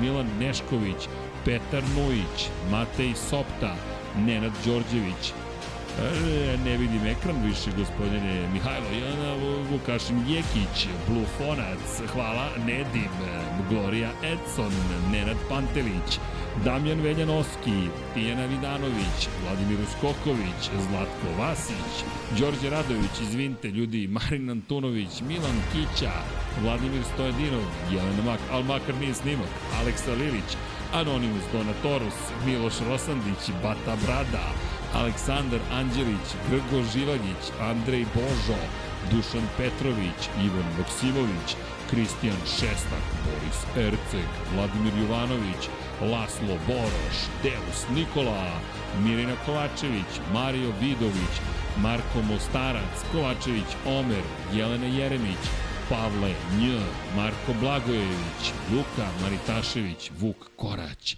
Đurđica Martinović, Ferenc Laslofi, Bojan Mijatović, Stevan Zekanović, Lukas, Ružica Stefanović, Džigi Bao, Igor Vučković, Miloš Rašić, Zoran Šalamun, Stefan Vidić, Danijela Ilić, Nemanja Zagorac, Ljubo Đurović, Kimi Rajkonen, Nikola Božinović, Marko Radanović, Marina Mihajlović, Bojan Majstorović, Sead Šantić, Matija Binotto, Ivan Vamblisapa, Ivan Maja Stanković, Nikola E, Emir Mešić, Andreja Branković, Stefan Radosavljević, Lje Đurović, Da žena ne sazna, Nikola Milosavljević, Marko Petrekanović, Novak Tomić, Tina i Ilija, Branislav Kovačević, Miloš Todorov, Jasmina Pešić, Klara Gašpar, Jugoslav Ilić, Daniel Kolobarić, Miloš Vuletić, Stefan Lešnjak, Inzulin 13, Mladen Krstić, Nemanja Jeremić, Darko Trajković, Ivan Panajotović, Borko Božunović, Ognjen Marinković, Marko Marković, Vojin Kostić, Dragan Nikolovski, Mlađan Antić, Bahtjar Abdurmanov, Marko Kozić, Ertan Prelić, Dušan Delić, Ivan Ciger, Luka Savović, Luka Klaso, Bojan Markov, Bojan Bogdanović, Anonimus, Donatorus, Aleksandar Jurić, Andreja, Mirina Živković, Andreja Miladinović, Aleksandar Radivojša, Katarina, Jovan Đodan, Danka, Aleksa Valter, Alen Stojčić, Nedim Drljević, Branimir Rijavec, Josip Kovačić, Resničanin, Nikola Petrović, Aleks Vulović, Marakos, Vukašin Vučenović, Vlada Ivanović, Branislav Dević, SS, Petar Bjelić, Ivan Doko, Vojislav Tadić, Josip Buljovčić, Alen Jesenović, Nemanja Cimbaljević, Ehil, Branko Rašević, ex Nikola Grujičić, Omer Sarajlić, Jovan Bojanić, Nikola Vulović, Pujo, Aleksandar Nikolić, Milorad Reljić, Krorobi 00, Nikola Grđan, Ivan Vujasinović, Vuk, Kosta Berić, Dinstero, Domagoj Kovač, Vladan Đurić, Lazar Milentijević, Aleksandar Kockar, Uroš Ćosić, Oliver Nikolić, Miloš Zed, LFC, Ivan Božanić, Mađar 007, Bojan Gitarić, Vladimir Vujičić, Ljiljana Milutinović, Miloš Stanimirović, Bakadu, Uroš Čuturilo, Anonimus, Donatorus, Ivan Vincetić, Bruno Jurić, Dejan Plackov Plackov, Toni Soni 76, Đera 7, Marko Bogavac, Nikola Adamović, Vladimir Subotić, Bojan Stanković, Sejdo Mujčić, Zlatko Marić, Tatjana Lemajić, Milanka Marunić, Ivan Hornjak, Almedin Ahmetović, Ivan Magdjelinić, Jelena Jeremić, Marina, Milan Knežević, Nikola Niksi, Almir Vuk, Nemanja Bračko, Igor Ilić, Goran Mrđenović, Nikola Kojić, Galeksić, Drago Veković, Vladan Miladinović, Ivana Vesković, Dejan Janić, Žika Su, Marko Stojilković, Srđan Ćirić, Igor Ninić, Saša Stevanović, Ada Sokolović, Maksi, Bojan Markov, Tornado, Pavle Lukić, Škundra, Nikola Božović, Žiksi, Nemanja Miloradović, Aleksandar P, Mensur Kurtagić, Blagoj Ačevski, Nemanja, Đorđe Janjić, Divlji Bučak i to bi bilo sve. Dakle, kao što sam rekao, kadar se promenio, ali nemojte ništa da brinete. Ekipa je tu, samo što je morao da priđe operator kamere i približi kameru našim e, spektakularnim domaćinima. Pravo si. Tako je. Da, ko, što bi rekao Čika Đankić, da. Da. Šalom na stranu, nadam se da ste uživali, mi smo se lepo zabavili. Hva, a, prešli smo ponovo na Patreon iz nekog razloga, Miksa se ovde igra, ne, njih dvojica ne, ne, vidi, a ne mogu da rade posle 11 uveče, ja mislim da, da, da, da je to tilt out skroz. A, dobio sam i potpis, to je sve u redu, hvala, valjda do sad su Ne, saznali ne, ko mogu sam. oni da rade, ali, ali ne u duetu. Da, ja mislim da tražiš scenu sa fanfarama. Da, mislim da zajedno ne mogu da, ali ne. Ne, ne, ne, nikako. Ne, niko. ne. Ovo, ovo je prvi i posljednji put. Prvi i poslednji, ja mislim, put. Dakle, Da. ovo je srednja škola. Ne, moment, ali možemo da dobijemo muziku, molim vas, dragi kolega. Dakle, Nepodnošljivi su kad su zajedno. bukvalno, i si primetio. Da. Ali oni su ti kao dvokomponentni lepak. Svako za sebe, sve mirno, tiho, zajedno. Kabum!